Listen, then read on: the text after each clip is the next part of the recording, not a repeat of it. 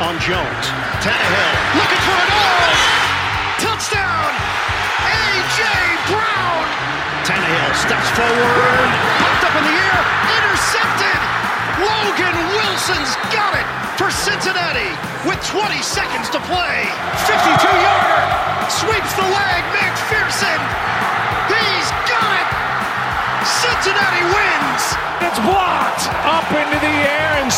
Spinning inside the 10. Picked up and a touchdown. Kick was down the middle and good. 49ers win it. Brady's going to hand it off. It's Fournette. He's going to take it to the end zone. Stafford deep downfield. He's got Cup again. Down the middle to the end zone. And there it is. Touchdown number four on the night for Davis. Looking to the end zone for the win. He caught it. Game. Chiefs to the championship game.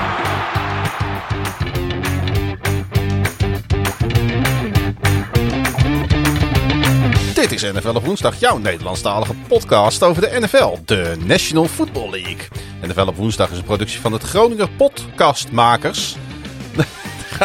Van de Groninger Podcastmakers van KVM Media. We liggen nog aan het zuurstof na wat de Divisional Playoffs ons voorschotelden. De reputatie van mooiste weekend van het jaar werd meer dan waargemaakt. Beide number one seeds sneuvelden en in alle vier de wedstrijden viel de beslissing pas met 0 seconden op de klok of zelfs in overtime. En wij hebben de eer het allemaal aan elkaar te mogen praten in aflevering 35 van het tweede seizoen van NFL op woensdag.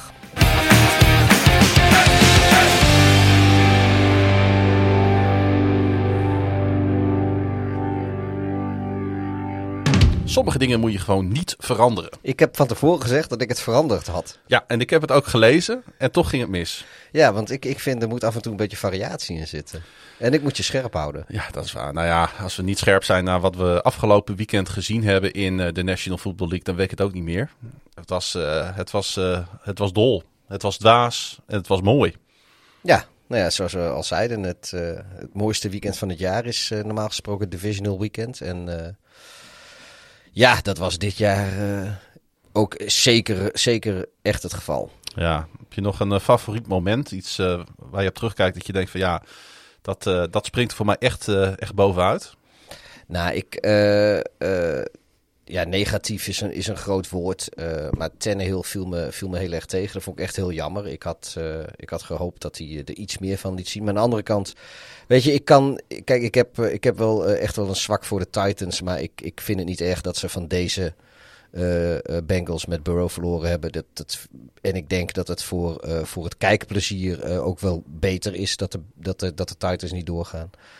Eh, ja, ik, zal liegen als ik zeg dat ik het niet mooi vond eh, eh, wat er in, eh, in Green Bay gebeurde. En Nou ja, een van die momenten daar was wel, zeg maar, hoe. hoe eh, eh, en eh Dart zei dat ook al op Twitter. Hoe, hoe Aaron Rodgers na die wedstrijd helemaal alleen. eh, ook wel een, een so- soort van, van gelaten, een gedesillusioneerde gelatenheid. Liep hij heel alleen liep hij van het veld af en de tunnel in. En eh, ja, dat zou maar zo eens het einde van een tijdperk kunnen zijn daar. Ja, zeker. En eh, ja, ik vond het ook ronduit sneu voor Allen en de Bills. Eh, weet je, dan ga je met, eh, Ja, met, met een paar seconden, wat was het, 17? 13. Ja, met, met 17 seconden op de klok komen ze weer op voorsprong, zeg maar, met die touchdown. En nou ja, dan wordt er natuurlijk kick-off genomen. En je denkt dan dat je het misschien wel binnen hebt. Maar nee. Ik moet heel eerlijk zeggen dat mijn momentje toch wel de winst van de 49ers was. Dat had iets minder te maken met het verlies van de Packers. Maar ik had al zo'n goed gevoel over de 49ers aan het begin eh, van de playoffs. Toen ze naar Dallas gingen, toen had ik ze al gekozen. Ja, het is niet voorspeld volgens mij tegen de Packers. Dat was ik. Dat, eh, ik was degene die zei van Ja. dat, ze dat ze de... Dat, dat, Ja, maar ze waren een beetje mijn dark horse. Ja. Ondanks dat ik vond dat ik op basis van de informatie die ik toen had... toch echt de Packers moest kiezen. nou, op basis van die wedstrijd hadden de Packers ook gewoon moeten winnen. Precies. Eh, maar ik, ik, ja, ik gun het ze van harte. Ik, ik vind het een mooie franchise. Ik heb er een goed gevoel bij. Ik vind dat eh, Shanahan het, eh, het ook waarmaakt met deze spelersgroep. En eh, ja, ik vond dat echt... en, en die omstandigheden daarin, die sneeuw, min 10. Ja.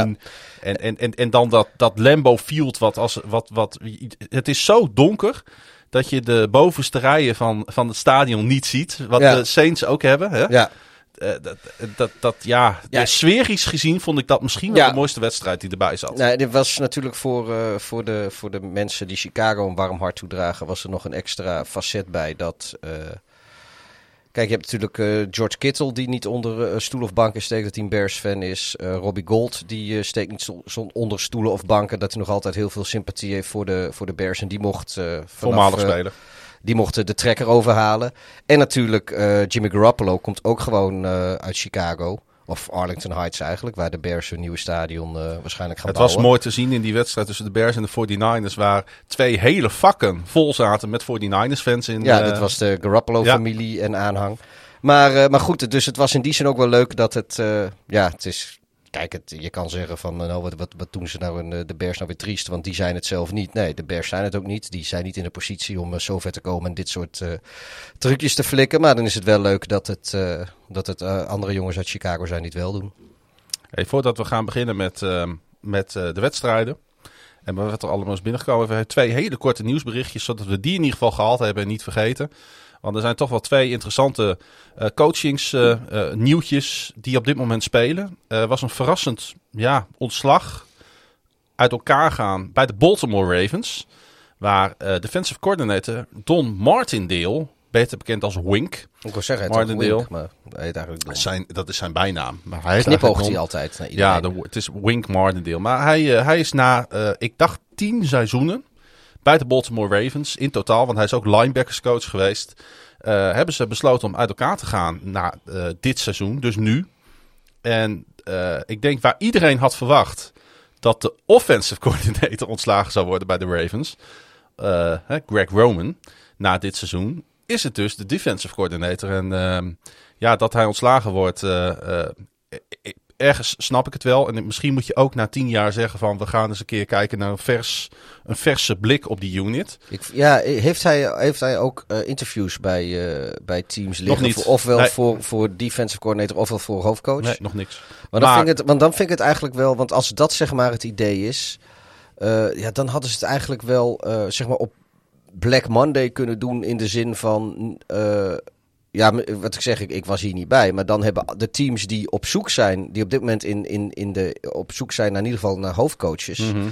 Die hadden dan eh Martindale mee kunnen nemen in hun overwegingen. Dat is nu de meeste teams, weet ik, de, die zitten in de, in de tweede ronde van interviews ondertussen al. Dus ik weet niet of Martindale daar dan nog tussen gaat komen. maar hij is- wel beschikbaar natuurlijk voor een nieuwe hoofdcoach Zeker. als DC. Maar, het, zal, het is een gezamenlijk overleg. Het is niet van één kant Ja. gekomen. Het, ze hebben natuurlijk hier even over gedaan. Eh, je doet er ook even over als je niet helemaal zeker van je zaak Ja, bent. nee, klopt. Ehm, eh, het grappige is dat ehm, de Ravens dit bekend maakten op het moment dat Steve eh, eh, Biscotti en general, de eigenaar en de general manager Eric da Costa hun jaarlijkse organizational summit hielden. Hè, die de Ravens natuurlijk dan intern Ja. houden. Ja. Dus ergens hebben ze een knoop moeten doorhakken van of we gaan nu met elkaar op vakantie en we laten het gaan. Of voordat we klaar zijn met dit seizoen, de lokkers zijn uitge, uitgeruimd. De sleutel gaat in het gat. Het stadion gaat op slot voorlopig. Hè? Ja. Of nu, of niet. Ja. Nou ja, goed. Maar hij zal wel, denk ik, goed in de markt liggen bij heel veel teams. Ja, nou ja, goed wat ik zeg. Ik denk dat, eh, dat voor een hoofdcoachjob, ja, zeg nooit nooit, want hij komt er nog in één keer bij kijken. En er zijn natuurlijk ook teams eh, die op zoek zijn naar een general manager. En eh, het kan best zijn dat, dat als zo'n general manager er zit, dat hij dan alsnog in één keer weer eh, eh, met andere coachkandidaten wil gaan praten. Dan kijk ik bijvoorbeeld naar eh, Minneapolis en naar eh, Chicago ook. Eh, geen idee hoor of, eh, of, of, of, dat, of dat, dat dan ook gaat gebeuren. Maar Hij daar, is- daar hij zitten is, ze natuurlijk met eh, een dubbele Hij is in 2020 geïnterviewd bij de Giants als headcoach. Ja, dat is, eh, maar dat zie ik niet zo snel gebeuren. Want daar hebben ze natuurlijk eh, volgens mij die gast van de Bills, die wordt daar general manager. Die, die, die, die, de, de Bollo? Nee, De, de, die, de, assi- de, vol- volgens mij de assistant general manager van, de, van de Bills. van de Bills. Die wordt volgens mij general manager nu in eh, New York bij de Oh, Giants. ik en die gaat volgens mij ook op dinsdag Nederlandse eh, tijd, zeg maar, gaat hij met eh, de bol van... eh, Mhm. eh, want die is natuurlijk meteen eh, hoofdkandidaat daar in één keer, omdat... eh, Precies. Eh, en ja, die, eh, en de Bills liggen natuurlijk ook uit, dus is ook beschikbaar. Ja. Het was natuurlijk wel een soort van uh, unknown season voor de Ravens. Die in 2018 vierde defense hadden. In 19 de zevende, zevende defense. Uh, in 2018 de eerste defense in de league. Het jaar daarop waren ze vierde. En het jaar daarop waren ze de zevende defense. Afgelopen jaar de 22ste. Dus dat is natuurlijk wel een heel groot verval geweest. Ja, maar er was volgens mij Weet je, dat, dat deels komt dat omdat je, je offense is ook enorm gestagneerd in Baltimore in de laatste drie jaar geleden was de offense heel wat beter dan het jaar daarna en nog heel wat beter. En, ja, en als je natuurlijk vier van je zijn drie van je vier, ja, plus al die blessures, secondary starters ja, al hun cornerbacks waren Marlon Humphrey, Marcus Peters, Sean Elliott, ja, dat zijn natuurlijk hele grote namen en uh, die mis je. Dus ja, dus, dus en de, de, de, de offense die, uh, die stopte mee eigenlijk, waardoor er veel meer druk op de defense komt te liggen en die veel meer tijd op het veld doorbrengen. Uh, en de, ja, ze zijn ook met blessure. Maar goed, dat, uh, weet je, het, het, zal, het gaat een goed overleg, dus het zal Daarom. Best. Maar goed, hij is interessant en we gaan dat allemaal in de gaten houden. En de andere, het andere grote nieuws wat op dit moment speelt is Sean Payton. Ja, waarvan de eigenaar van de New Orleans Saints zegt van, luister, op dit moment is de toekomst van Sean Payton in, is, is onzeker. Of daar dan mee wordt bedoeld uh, alleen de toekomst in New Orleans of misschien wel in de hele NFL, dat uh, durf ik niet te zeggen. Sean Payton zelf heb ik ook niks van gehoord. Uh, ik heb volgens mij wel, maar dan weet ik niet helemaal zeker of wij dat onderling besproken hebben of dat ik dat daadwerkelijk ook in een podcast heb gezet vorige week of twee weken geleden. Dat, dat in Chicago voorzichtig die geruchten gingen dat Sean Payton daar wel eens terecht zou kunnen ja, nou. of willen.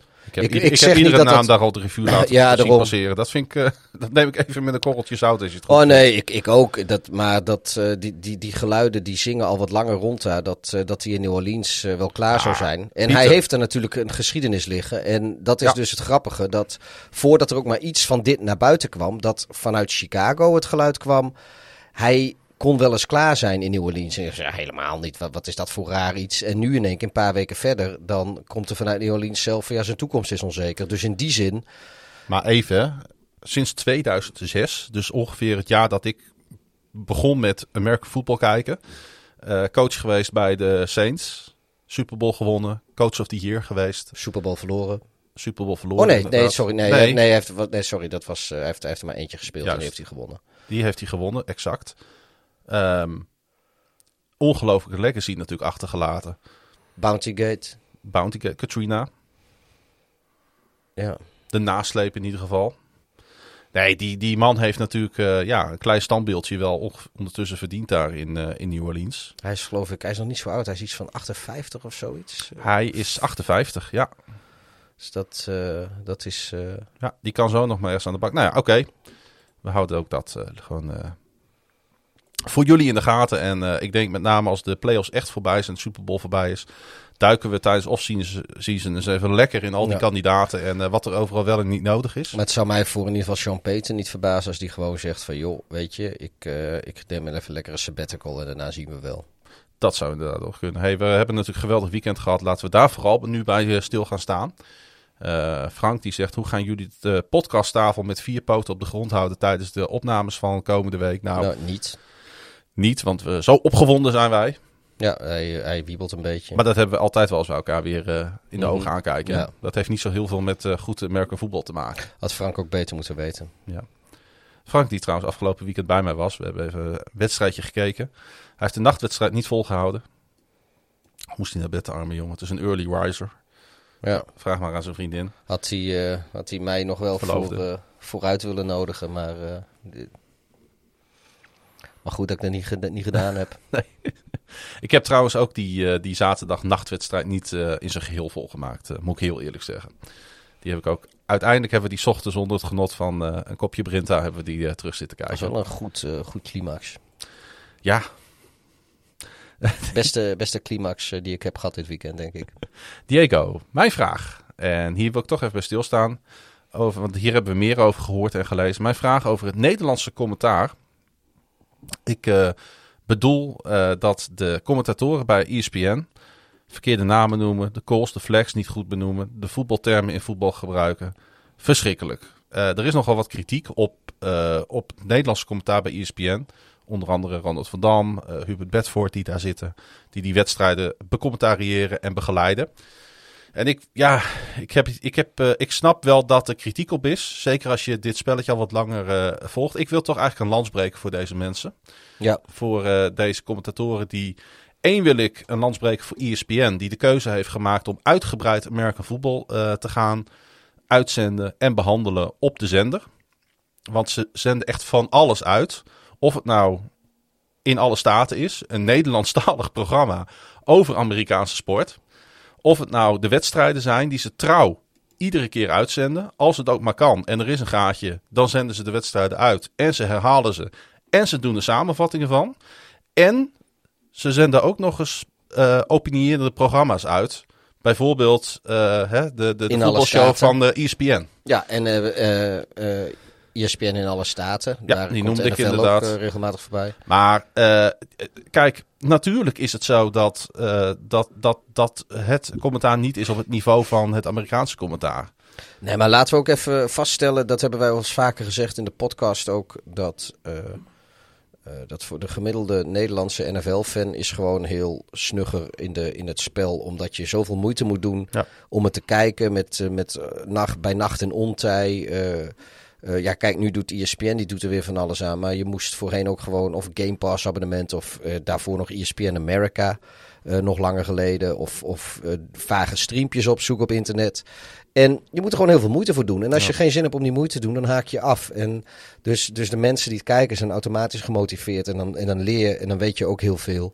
Terwijl juist ESPN inderdaad probeert te cateren aan een wat meer casual publiek. Die uh, eigenlijk nog soorten met van overtuigd moet worden van hoe geweldig die sport is om te kijken. En ja, weet je, dat daar niet altijd alles uh, goed benoemd wordt. Of misschien iets te simplistisch gesteld wordt. Of weet je, dat, dat, maar dat laten kan we, ook. Laten we onszelf ook als voorbeeld nemen. Hoeveel wij fouten maken wij, man? Wij zitten hier ook iedere week uh, drie uur op te nemen. Uh, misschien dan nu wat korter, maar normaal gesproken. Ja, als ik mezelf, en ik luister mezelf altijd terug. En ik turf minimaal drie, vier, vijf fouten achteraf. Ja, waarvan ik denk van, hoe heb ik dit nou weer kunnen zeggen? Ja, nou, ik is sowieso verkeerde namen noemen. Daar heb ik ook wel een handje van. Ik heb, uh, ik heb volgens mij uh, een keer uh, podcasts achter elkaar. Heb ik de, de general manager van de San Francisco 49ers volledig bij de verkeerde naam genoemd. Was, was het nou Lynch of wel of niet? Weet je, ik, nou, ik, weet, het ook, ik weet het nu ook al niet meer. Maar Lynch toch, is hem wel toch? Lynch. Ja, maar toen noemde ik hem anders. Lynch. Toen dacht ik dat het, of, of het was wel, nou goed, dat, dat doet er ook niet toe. Maar ja, weet je, het is ook niet altijd even makkelijk. En weet je, die mensen, die, uh, die, de, de, de Van Dams en de Bedfords, die krijgen er waarschijnlijk ook niet eens de, de uitgebreide tijd en voorbereiding en het productieteam en de calling cards en de, en de ondersteuning bij die, Juist. die Amerikaanse boys erbij krijgen. Vergeet dat niet. Ik bedoel, als, als je Troy Aikman en Joe Buck samen ziet zitten, die, uh, die zitten er echt niet met z'n tweeën hoor. En die hebben dat echt niet met z'n tweeën dat ze die wedstrijd zitten voor te bereiden. En uh, die hebben bijvoorbeeld...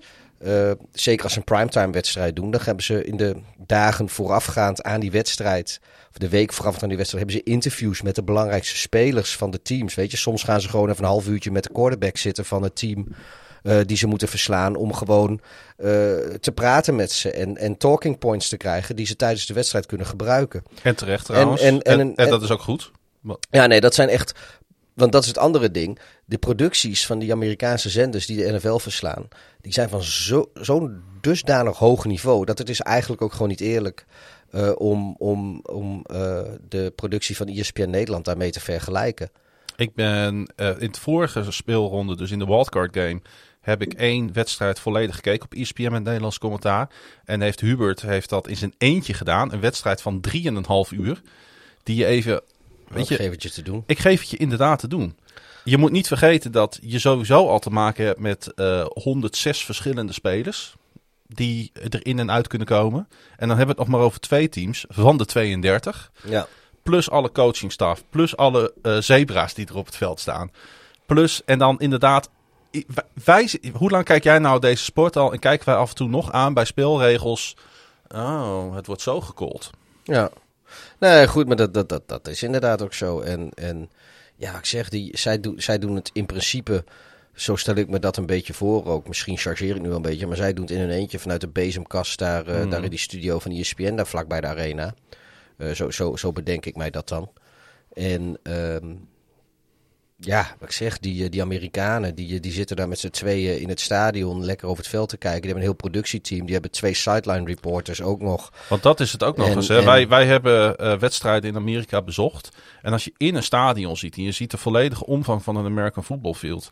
En je ziet de dieptes en je ziet de running lanes. En je ziet eh, wat, wa- wa- hoe de lines staan opgesteld. Ja, ze, ze- Zij ja, hebben één camerabeeld op dat moment tot hun beschikking. zij Daar krijgen- moeten ze ja, het mee doen. zij- Zij, moeten commentaar leveren aan de hand van de broadcast feed. En dat is ook gewoon heel lastig. Dus ik wou even een lans breken. Ik, ben, eh, ik snap wat je bedoelt, Diego. Maar ik, ik eh, ga ook gewoon eerlijk zeggen dat ik het eigenlijk niet met je eens ben. En bij deze ook een shout-out naar, ja, naar ESPN en wat zij doen. En dat eh, is zeker niet om hielen te likken, maar dat is omdat ik het ook echt zo zie. Ja. Mark Willem, laten we eens even langzaamaan naar de sport gaan. Burrow en Chase versus Stafford en Cup. Wie zijn de beter? Eh, ja, qua entertainment sowieso Burrow en Chase natuurlijk. Ehm, Ik vond het wel een mooie om even naast elkaar te zetten. ja, eh, ik, ik, ik- het is lastig denk ik. Ik denk dat ze op, als ze allebei, of alle vier zeg maar, op, eh, op hun piek zitten. Ja, dan zou ik misschien wel... eh, Weet je wat ik heb, als ik dit zo naast elkaar zet? Ik heb het idee dat Cap meer afhankelijk is van Stafford. Eh, sorry, dat Chase meer afhankelijk is van Burrow dan Cap van Stafford. Ik weet het niet. Ik denk dat als je Cup en Chase zou wisselen, dus dat Cup lekker bij de Bengals ging spelen. En, had, en even ervan uitgaan dat hij een heel off-season heeft om Mhm. een rapport te krijgen met, eh, met Burrow natuurlijk. Niet, eh, niet nu even omwisselen. Eh, en hetzelfde met Chase en Stafford. Ik denk dat, ik denk dat Burrow en Stafford zijn wel vergelijkbare quarterbacks. En eh Cup en Chase zijn denk ik ook wel... Ja, ik denk, Chase is volgens mij wel iets meer een, een, een, een, een, een deep threat voor de big plays. En zo. Maar ik, dit zijn ook wel redelijk vergelijkbare receivers.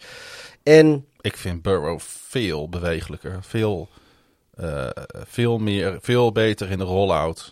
ja, Veel dat- beter in het improviseren. Dat, dat is... Dat, nou, dat, dat, dat, dat denk ik niet. Eh, daar is de ervaring van Stafford wel meer. Maar ik denk dat het, ene, het enige reden denk ik dat Burrow nog wat bewegelijker is, omdat hij jonger is. Ja, maar ervaring is wat anders dan, dan improviseren. Nee, want eh, als je dus als je ziet dat onderhandse worpje, bijvoorbeeld die Stafford deed Hmm. tegen de Bucks.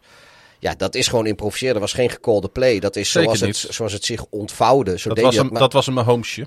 Ja, maar goed, dat, dat is dus eh, op basis van ervaring en eh, eh, inderdaad dan improviseren. Van nou, weet je, dit, dit kan, dit kan ik.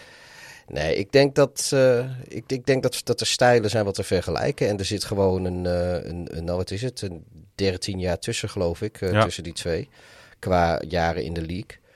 En dat, dat zie je er wel een beetje aan af. Maar vergeet niet, toen Stafford net nieuw was, toen was hij eigenlijk net zo vers en glimmend. En, en was iedereen net zo razend enthousiast over hem als dat ze nu over Burrow zijn. Ehm, en ja, nu heeft Stafford natuurlijk heel lang bij, eh, bij de Lions gezeten. Waar het allemaal niet zo denderend ging. Eh, maar ik denk dat, eh, ja, ik denk dat de vergelijkingen gewoon echt wel, wel heel goed te maken zijn. En, en wie de beter zijn. Ja, ik, ik vind het lastig te zeggen. Misschien zien we het in de Super Bowl. Dat zou leuk zijn, inderdaad. Laatste vraag voordat we naar de eerste wedstrijd gaan is van Koen. En ik denk dat eh, dat wel een eh, mooie inleidende vraag is. Ook om een beetje deze wedstrijden mee in te gaan. Maar ook om inderdaad gewoon op tafel te leggen. Is dit het definitieve begin van een nieuwe generatie quarterbacks? Want ja, dat is toch eh, denk ik een beetje de storyline ook van afgelopen weekend. Brady, Mahomes, eh, sorry Brady en, eh en Rodgers die ja, misschien wel allebei hun laatste wedstrijd hebben gespeeld. Ja, en hoe lang is het wel niet geleden dat we deze quarterbacks niet in een conference eh, wedstrijd hebben gezien? Eén van twee. Ja, dat is een poosje terug geweest. Ja, Ehm, ja, ik, ja ik, denk, ik denk wel dat dit, dat, dat, dat niet eh, dit weekend per se is ingezet, het definitieve begin. Want we hebben het natuurlijk al eerder gezien met, eh, nou ja, weet je, Allen, die, eh, die heeft vorig jaar heeft hij ook al goed meegedaan. Mahomes, dit gaat al nog, nog weer iets langer mee. Eén één jaar langer geloof ik weer dan Allen. Ehm, dus dat, die zijn niet per se nieuw. Eh, Burrow is natuurlijk vrij nieuw. Die zit nu in zijn tweede jaar. eh ramt hij meteen even aan de AFC Championship game. Dat is eh, wel heel indrukwekkend. de allereerste number one pick in een draft die binnen twee jaar de conference finals haalt in de NFL playoffs ooit in NFL history. Ja. Nou ja, en uh, voor het eerst heeft Stafford het ook gedaan. 13 of 14 seizoenen na zijn number one overall pick. Ja. Dus die, uh, heeft er iets langer over gedaan. Ook bij een ander team dan die hem number one overall pickte Dit trouwens. was sowieso zijn tweede uh, playoff overwinning. Ja, die andere was uh, vorige week. Die andere was vorige week, dus uh, ja. ja. Nee, maar goed. En, en Stafford is natuurlijk wat dat betreft... Kijk, wat er nu over is, is zijn niet, zie ik niet per se de nieuwe generatie. De nieuwe generatie vind ik inderdaad... Ah. Uh, de, de Her ja, Burrow wel, maar dan vind ik meer de Herberts en de... en de Burrows en de, de Allens misschien ook wel. Ja. Um, ik vind van, van Mahomes is het eigenlijk... Ik bedoel, als die wint gaat hij al naar zijn derde Super Bowl, hè?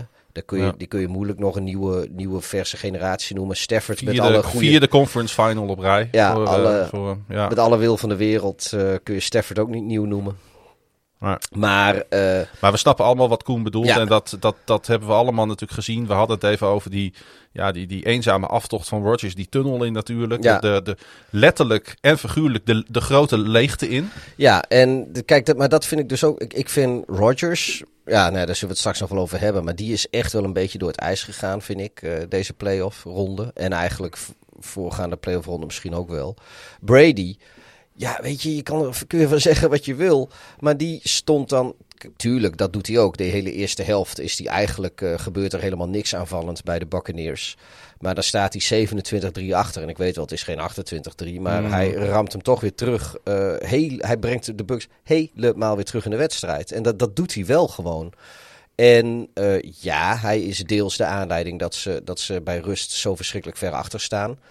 Uh, maar hij is vervolgens ook weer de reden dat ze er in de two-minute warning nog volop in zitten. En uh, ja, dat heb ik bij Rodgers bijvoorbeeld niet gezien. Bij Rodgers leek het echt gewoon alsof je een. een ik zeg niet dat het zo is, maar dat, die stond te ballen afgelopen wedstrijd als een, als een 38-jarige die over de top van zijn kunnen is. En bij Brady heb ik dat idee zeker de tweede helft niet gehad. We nemen het mee, uh, want we gaan naar de wedstrijden toe.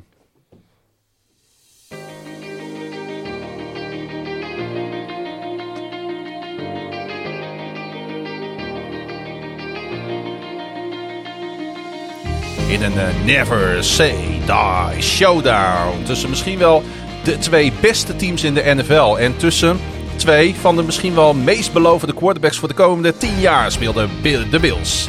En de Chiefs een classic Sunday Night Football en een thriller. Zoals het beste weekend in voetbal verdient. Met achteraf één grote fout. Namelijk de beslissing van de overtime coin toss. Tails bleek een kostbaar woordje.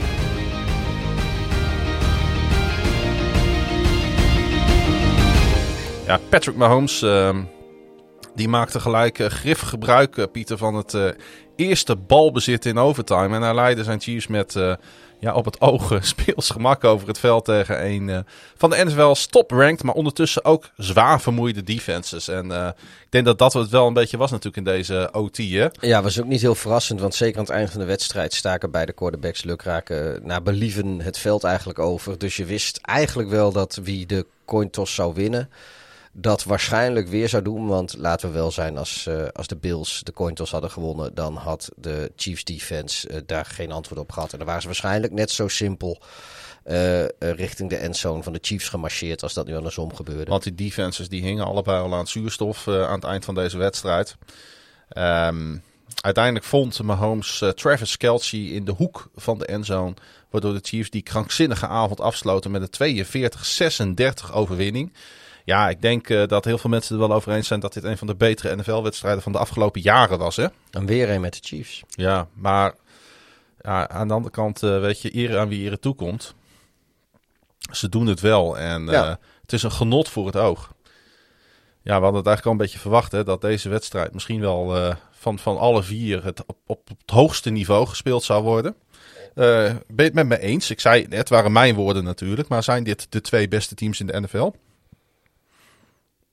Um, ja, weet je, ze, ze, ze, ze voor, de, voor de kijker sowieso wel, want ze matchen heel fijn tegen elkaar. En uh, daarmee bedoel ik dus dat de, dat de Bills het wel lastig hebben tegen, tegen hoe Mahomes speelt. Uh, dat is ook logisch, mm. elk team heeft het lastig tegen hoe Mahomes speelt. En uh, de Chiefs kunnen niks... Dus, dus dat, dat dit een shootout zou worden, was wel te voorspellen. Ik denk als je bijvoorbeeld um, dezelfde eh, ongeacht welke van de, Bills of de Chiefs tegen bijvoorbeeld een, een Rams in de Super Bowl zouden hebben, als de Rams eh, zeker de defense op oorlogsterkte is, Ja. ja, dan wordt, het heel, dan, wordt- dan wordt het denk ik heel anders. En dan heb je best kans dat de Rams daar beter tegen matchen, omdat de Rams offense kan heel explosief zijn. Dus die moeten natuurlijk wel op hun A-game zijn. Op, op, maar goed, dat moet iedereen in de Super Bowl. Maar ik denk wel dat als er één defense is in de, in de NFL die, eh, die deze twee eh, quarterbacks eh, en deze twee offenses zou kunnen stoppen, zou dat inderdaad een, een, een tandem van Aaron Donald en Von Miller zijn, die steeds beter begint te worden na zijn blessure. Ja. Ehm, dus dan krijg je denk ik niet zo'n niet zo'n shootout. Dan heb je best kans dat, dat daar gewoon een paar scores tussen zitten. Roep ik hier op een zolderkamer hoor. Maar ja, voor dit, qua spektakel is dit gewoon de best mogelijke wedstrijd die je kan hebben. Eh, Peter Goudkamp die komt met de vraag, eh, wa- wat ik mij ook afvroeg op het moment dat ik er naar zat te kijken. Wat als de Bills voor twee waren gegaan na de touchdown? 13 seconden voor het einde. Dat snoept nog wat meer tijd van de klok. Leg nog weer wat extra druk bij de Chiefs, want dan is een field goal niet meer genoeg voor overtime. Ehm, hè, de, we hebben het een paar keer gezien dit seizoen. Met name de Ravens hebben dat geprobeerd. Ik wil even, volgens mij, maar dat, misschien ben ik eh, verkeerd hoor. Eh, een two-point conversion of een PAT zijn volgens mij untimed downs. Of tenminste, die zijn niet getimed. Dus volgens mij maakt het voor de klok niet uit of je voor een PAT of een two-point conversion maakt. Dat zouden, we, dat zouden we moeten opzoeken. Volgens maar, mij eh, eh, was de touchdown namelijk met 17 seconden op de klok. En dat was ook de tijd op de klok die ze, gingen, die ze gebruikten bij kickoff. En met 13 seconden op de klok konden de Chiefs met de bal beginnen. Dus is een- nou, normaal, een kick-off duurt 4 of 5 seconden. mhm. Eh, als je hem niet squipt, wat ze misschien wel hadden kunnen doen. Maar volgens mij, eh, zowel de PAT, maar volgens mij ook de two-point conversions zijn niet getimed, geloof ik. Hoe dan ook, het- een two-point conversion, een geslaagde two-point conversion, had inderdaad wel voor druk kunnen zorgen. Ehm, was het dan anders gelopen? Nou, waarschijnlijk niet. Nou, als je, laat ik het, ah, dat zijn we, kijk, die, die two-point conversion, dat is echt een groot risico. Mhm. Ehm, maar wat ze niet hebben gedaan, en dat vind ik wel raar, is ze hebben een, reguliere kick-off gedaan die gewoon, eh, volgens mij is goed erin ook gewoon door de endzone zelden voor een touchback. En eh, daar gaan ze dus vier, had misschien vijf, maar vier seconden hebben ze daarmee verloren. Maar Holmes mocht op de 25 yard Ja. line beginnen. Maar ze hadden hem voor, wat mij betreft hadden ze hem beter kunnen squibben. Want dan kost het zo 7, 8, 9 Ja. seconden. En het enige wat je moet doen is goed coveren. En als hij niet over de zijlijn gaat, dan blijft de klok ook doorlopen. Dus het kost ze hoe dan ook een, een, een eh, time-out. Die hadden ze volgens mij nog. Eh, dus dan moeten ze bij het recoveren eigenlijk van de bal moeten ze al een time-out geven. Mhm. En dan beginnen ze, mits je ze in ieder geval, nou laat je ze binnen de 30, binnen de eigen 30 yard lijn houden, misschien binnen de eigen 35. Je geeft wel wat veel positie op, op, op zo'n manier, op, op, op, met die tactiek. Maar dan staat hij dus op de eigen 35, dus 10 yard naar voren. Maar in plaats van 13 heeft hij dan waarschijnlijk nog maar een seconde of 6 op de klok. En dat is echt heel ander eierreet in één keer. Dus ik, ik- dat is het enige waar ik me afvraag. Niet zozeer of ze wel of niet voor twee gingen, maar dat ze voor een reguliere kick-off gingen, niet voor een squib. Ja. Maar dat is, eh, ja, dat, dat is mijn. Maar goed, achteraf is dat natuurlijk makkelijk zeggen. Je kan zelfs nog eh, voor een eh, intentional grounding gaan, hè? Als, eh, als, als kicking team. Wat de Ravens toen in de Super Bowl hebben gedaan. Om seconden van de. En gewoon twee punten voor lief te nemen. Dus je punter de endzone, je eigen endzone in laten lopen. Zoveel mogelijk lang de bal ontwijken. En dan kun je met een beetje massa zelfs 13 seconden van de klok Oh, afspelen. en, en dan een safety krijgen. En dan een safety tegen krijgen. Want die hadden ze makkelijk kunnen, kunnen slikken. Het zijn allemaal opties anders dan dat je Mahomes twee passes geeft. Ja, ja, maar dat volgens mij kun je bij een kick-off kun je geen, eh, geen safety krijgen. Dus na die, na die score van hun moesten ze de bal teruggeven aan de, aan de, aan de Chiefs. Dan kun je niet, eh, je kan niet bij Nee. de kick-off eh, voor de safety gaan. Hoe dan ook, er zijn allerlei interessante opties te bedenken. De Bills gingen er niet voor en ze kregen uiteindelijk het deksel op de neus, omdat ze dus die coin toss verloren. Ja, en over die coin toss gesproken, daar komt die discussie natuurlijk weer in beeld. Ivo zegt bijvoorbeeld over die overtime regels. Sinds eh, dat, format, eh, dat, dat format eh, in 2010 geïntroduceerd is in de league, zijn er 11 overtime games in de playoffs geweest. De winnaar van de coin toss heeft 10 van die 11 wedstrijden gewonnen. Dat zegt natuurlijk al heel veel, hè? Ja, en zeven keer heeft het verliezende team de bal niet eens gehad. Nee. De me- meest beruchte was misschien wel de Broncos en de Steelers met Tim Tebow. Mhm. Die, eh, Eh, die weten we denk ik allemaal nog wel. Ja. Maar ehm, wat voor, wat, ja, kijk, wat, wat een hele pikante is in dit rijtje, is eh, twee jaar geleden volgens mij. Of ja, twee jaar geleden volgens mij wonnen, wonnen de Patriots van, de, van de Chiefs in de AFC Championship game. Of is dat drie jaar geleden? Anyway, ook in de overtime. En toen hebben de Chiefs de bal niet gehad. Mhm. Toen was het Brady die het veld overmarcheerde en, eh, en de boel eh, besliste. Uh, volgens mij was dat ook in Arrowhead. Uh, en toen hebben de Chiefs voorgesteld als regelverandering dat ook na een touchdown het andere team de bal nog kreeg. Dat, dus dat je altijd beide teams één keer aan de bal hebt. Nu is ja. dat alleen bij een, bij een field goal zo. Tenminste, als je field goal hebt op je first possession, dan mag het andere team ook nog een keer uh, proberen te scoren. Um, maar een, een, touchdown is altijd sudden death. En de Chiefs zeiden van nee, ook bij een touchdown moet het andere team de bal nog een keer hebben. Want die moeten gelijkmakende touchdown kunnen maken. Zij hebben zeg maar dat als voorstel. Dat hebben zij voorgesteld aan het eind van het ja, ja, zij hebben dat voorstel neergelegd aan het eind van het seizoen. Of van joh, zullen we dit met ingang van volgend seizoen doen? En de Chiefs hebben dat voorgesteld en 31 teams, waaronder dus ook de Bills, hebben tegengestemd. Die hebben gezegd, nee, is niet nodig. Die regel zoals die nu is, is die prima. Uh, dus nu wat dat betreft is het wel, uh, wel pikant dat, uh, dat de Chiefs er nu van profiteren. Maar dat houdt dus eigenlijk ook in dat uh, de Bills, maar ook geen enkel ander team eigenlijk daar wat over te zeggen heeft. Want heel recent hebben ze allemaal nog, vond ze allemaal nog wel prima dat, dat het zo ging. Ja, ik vond het wel mooi. Mahomes werd er ook naar gevraagd na de wedstrijd. Hij zei, het pakte goed voor ons uit. Uh, wanneer het zo op en neer gaat, snap ik dat het niet goed voelt dat het andere team de bal niet nog een keer krijgt. Dus uh, dat is gewoon een eerlijke opmerking. Maar alles wat ik kan doen is volgens de regels spelen en dat is wat we hebben gedaan. Ja. Hele, hele goede, denk ik, en, en, en uh, emotieloze reactie. Ja, ik kan moeilijk zeggen van nou weet je, ik, ik gooi een pik en dan, dan is het echt... Juist. Dan is het echt uh, sudden death. Ja, nee, tuurlijk. Ik heb groot gelijk, joh. Uh, die voorsprong van, de, van de Chiefs, die, de voorsprong überhaupt in de wedstrijd, wisselde tijdens de laatste twee minuten drie keer. En er werden in die spannen werden er 25 punten gescoord. Harrison Butker, die eerder in de wedstrijd nog een field goal en een extra point miste, was, uh, uh, ja, schoot wel raak toen het erom ging. Met nog drie seconden op de klok schoot hij raak vanaf 49 yards om overtime te forceren. Um, ja, en Mahomes, uh, ja, we hebben wat aan hem getwijfeld zo gedurende het reguliere seizoen. Maar hij is er weer helemaal bij, hè. Hij gooide 378 yards, drie touchdowns, waaronder natuurlijk een 64 yarder op Tyreek Hill. Tijdens die spannende laatste minuten in reguliere speeltijd. Hill die versloeg cornerback Levi Wallace.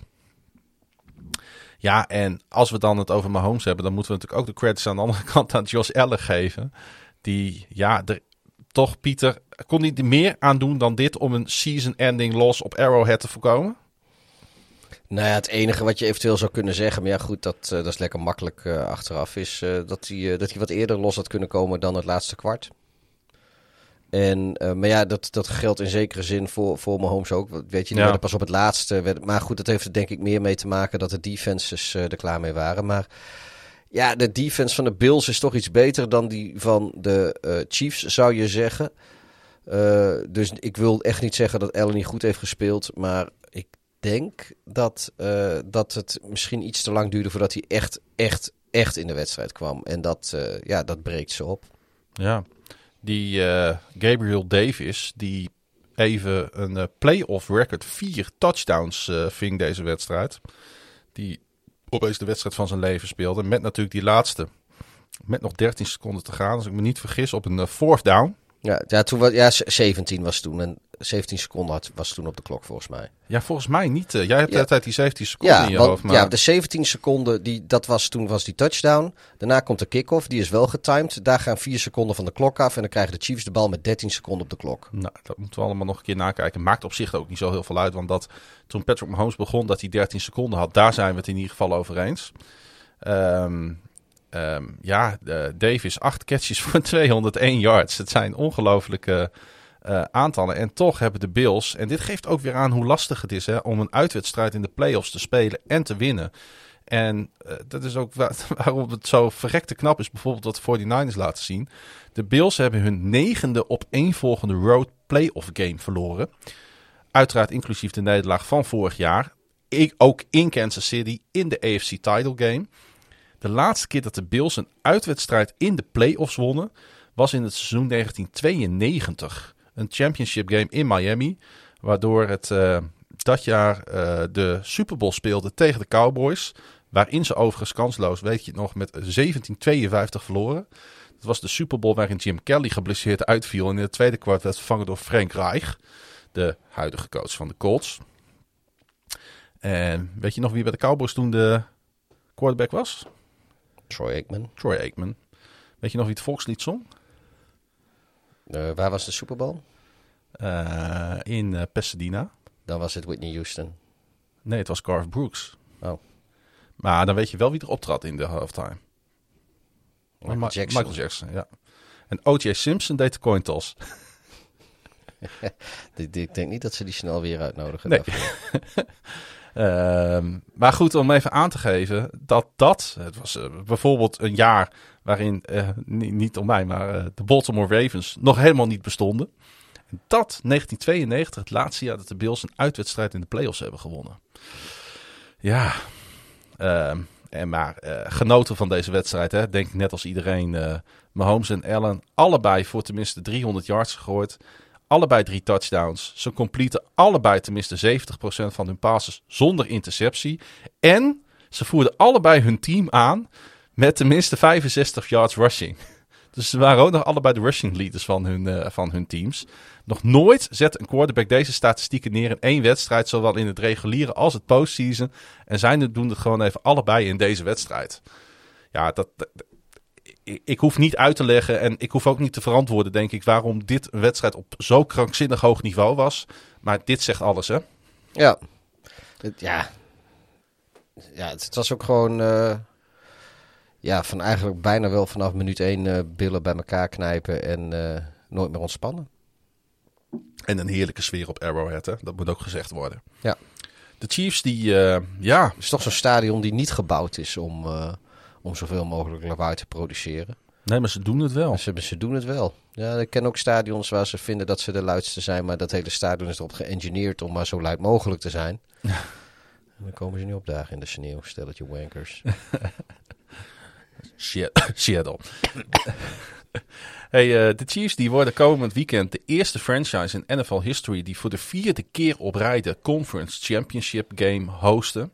Het is hey, wel, hoor, uh, zuig daar maar eens op, uh, Patriots. Het is wel een absolute powerhouse aan het worden hè, in, de, in de NFL.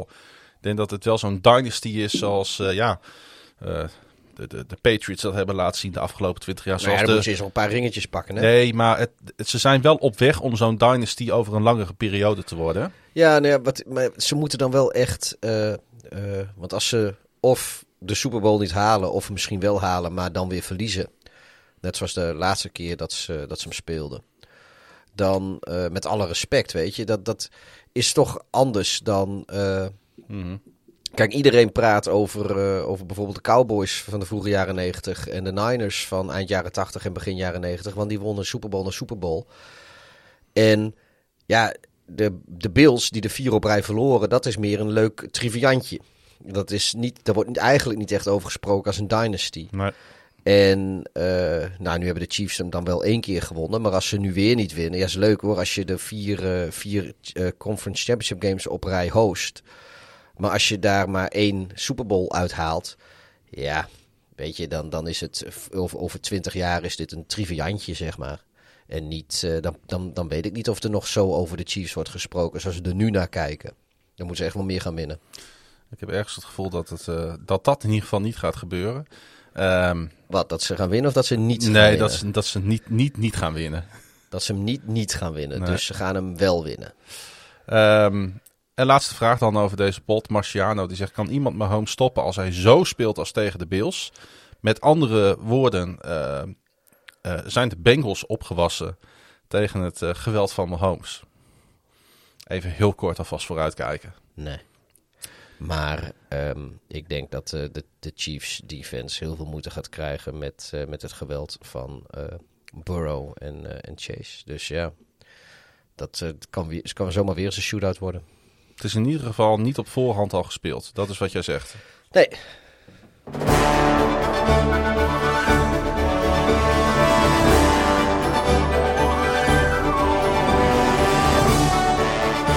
Dus eh, blijft de vraag staan: zijn de Bengals nou echt goed? Ze slagen er in ieder geval in om uh, postseason droogtes weg te spoetsen. Met hun overwinning in Nashville staan ze voor het eerst in 33 jaar in de AFC Championship Game. En zijn ze nog maar één zege verwijderd van een Super Bowl. Rookie Evan McPherson trapte een winnende 52-yard field goal raak, waardoor de fourth seeded Bengals met 19-16 van de top seeded Titans wonnen. En daarmee beëindigden de Bengals de langste actieve road playoff skit. Maar, nog belangrijker dan dat, de toekomst van de Bengals is zonniger dan ooit.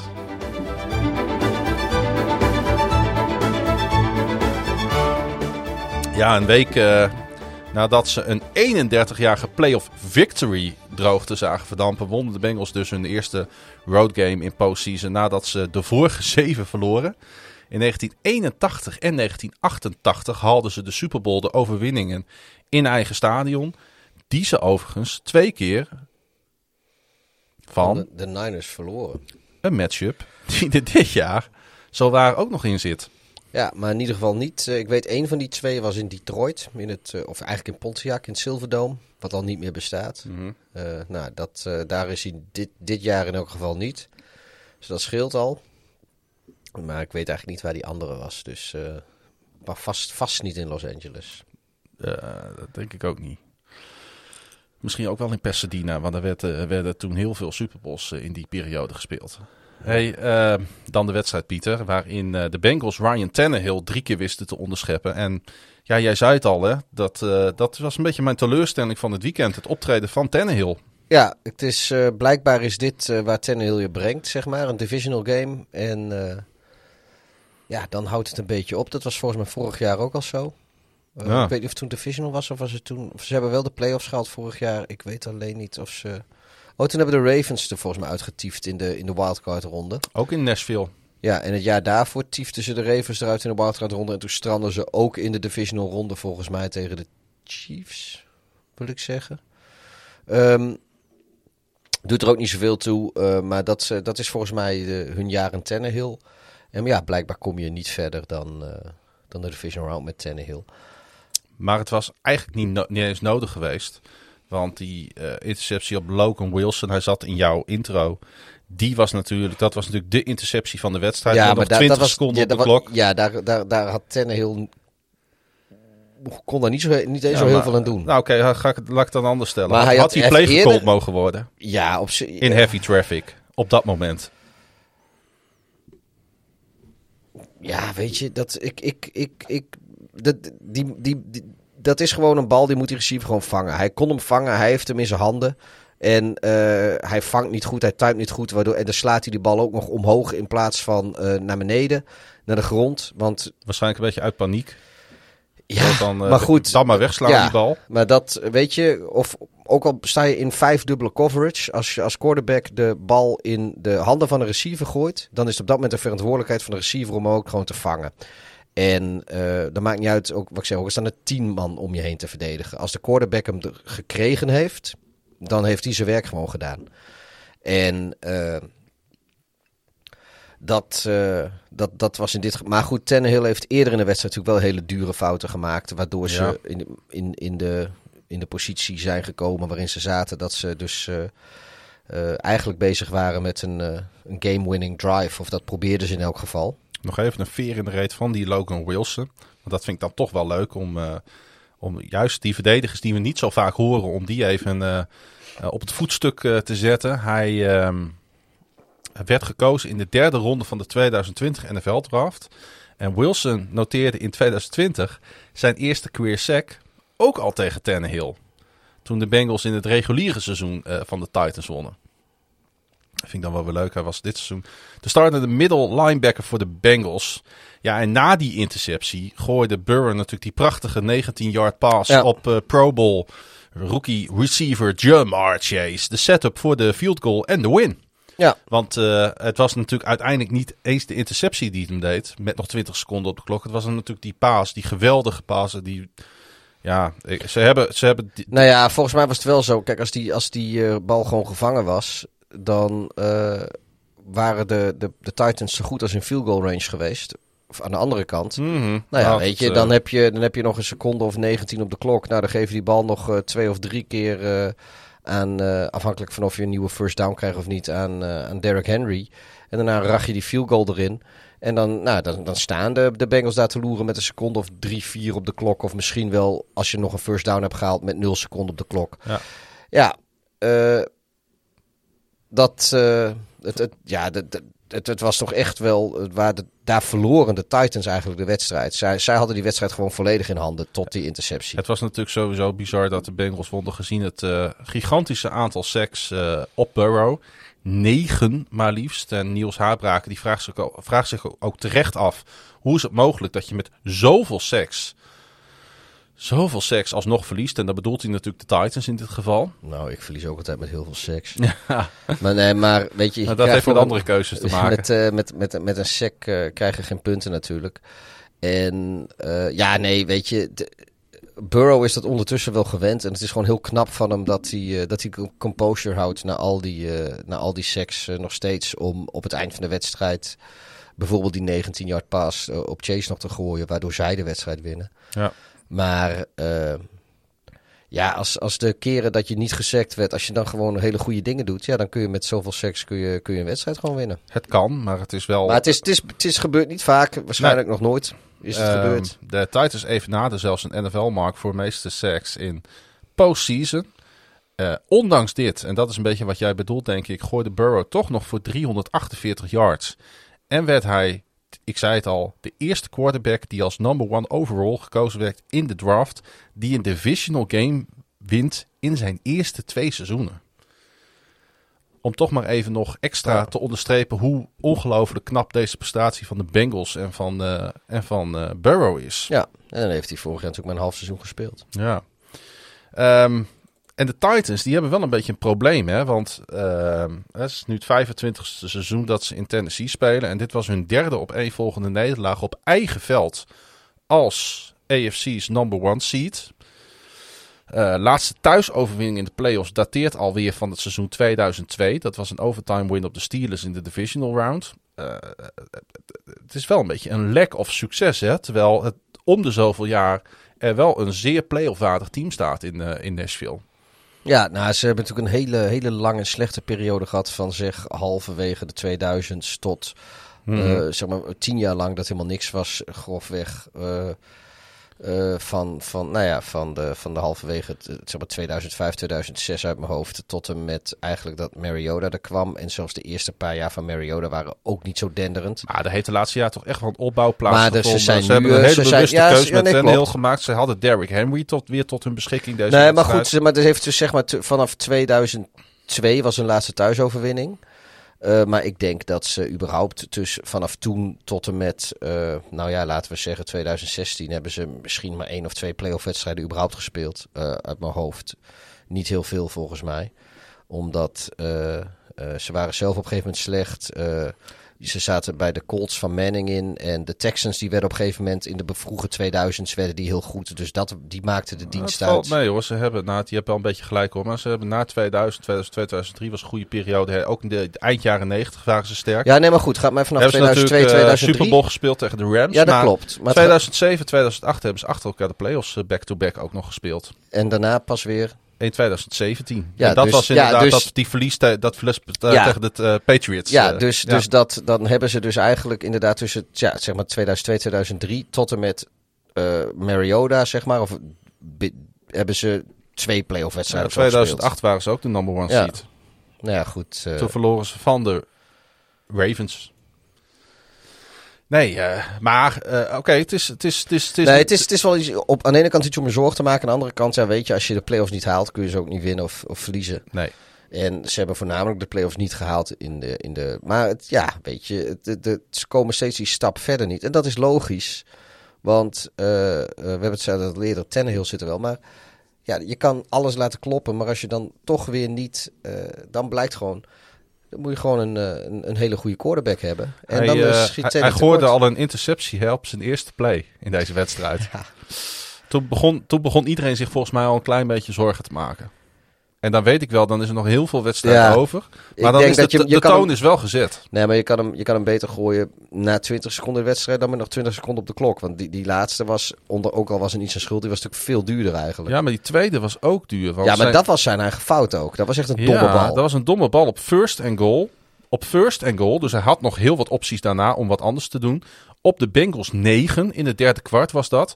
Eh, ja, daar, als, als de Titans daar hun touchdown hadden gemaakt, dan had ik deze wedstrijd niet meer naar de Bengals zien gaan. Dat is ook wat ik de, ja, die tweede interceptie van hem, dat is waar dat kost hem de wedstrijd. Of tenminste, ja, nee, die, die laatste, weet je, dan maak je alles op. Maar dat was niet zozeer zijn fout. Maar die tweede was ook gewoon heel duur. Dat was Ja. Tannehill's fout ook gewoon. Die, als ik Titans fan was, die tweede neem ik Tannehill kwalijk. Die, die laatste, ja, daar, daar, dat kost je de wedstrijd. Maar goed, weet je, ehm, nogmaals, eh, hij gooit die bal precies waar hij wezen moet. Hij doet alles wat hij moet doen.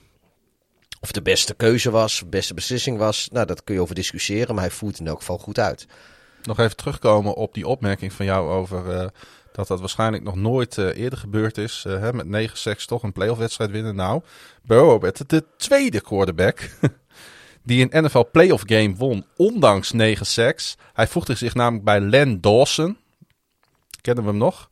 Die hetzelfde overkwam voor Kansas City in de AFL Championship in 1966. De Chiefs wonnen die wedstrijd met 31-7 en dat was namelijk een half jaar na de AFL-NFL-fusie. Dus hij hoort officieel bij dat era. Ja, En mogen we hem dus meenemen in de statistieken.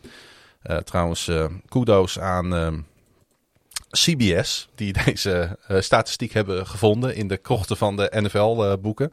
en daarom eh, hebben wij hem nu ook. ja want eh seks zijn volgens mij pas vanaf...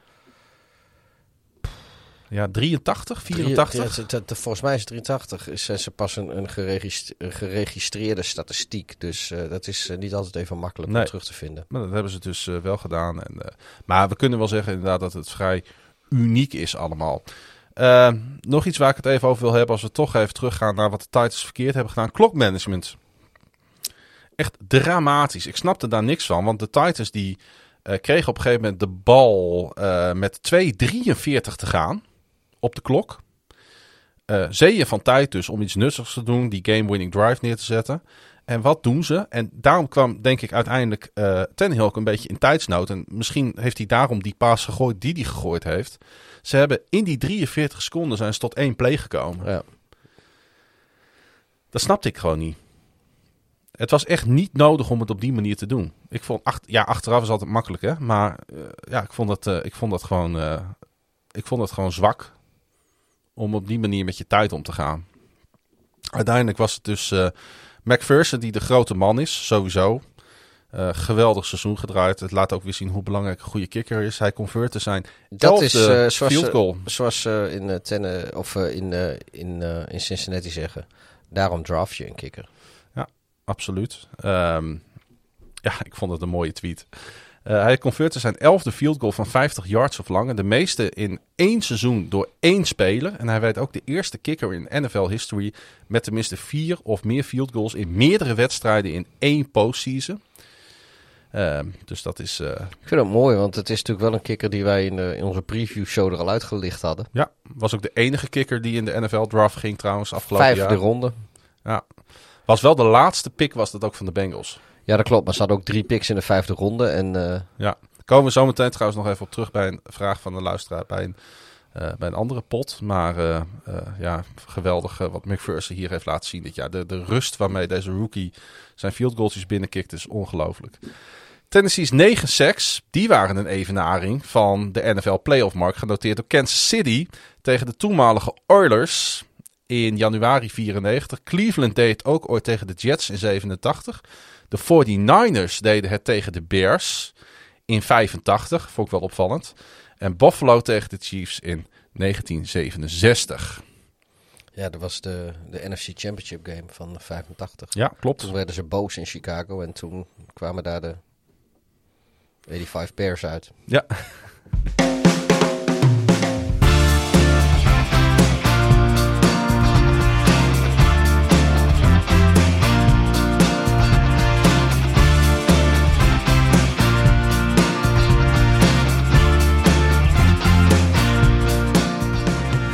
Zelfs uh, Matthew Stafford moet met een hartslag boven de 200 hebben gekeken naar hoe Tom Brady Tom Brady was.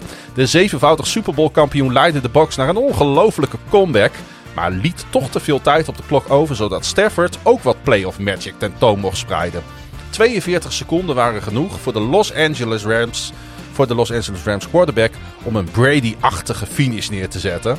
Waardoor de Rams voor de tweede keer in vier seizoenen naar de NFC Championship game door een 30-27 zegen op de bak zijn.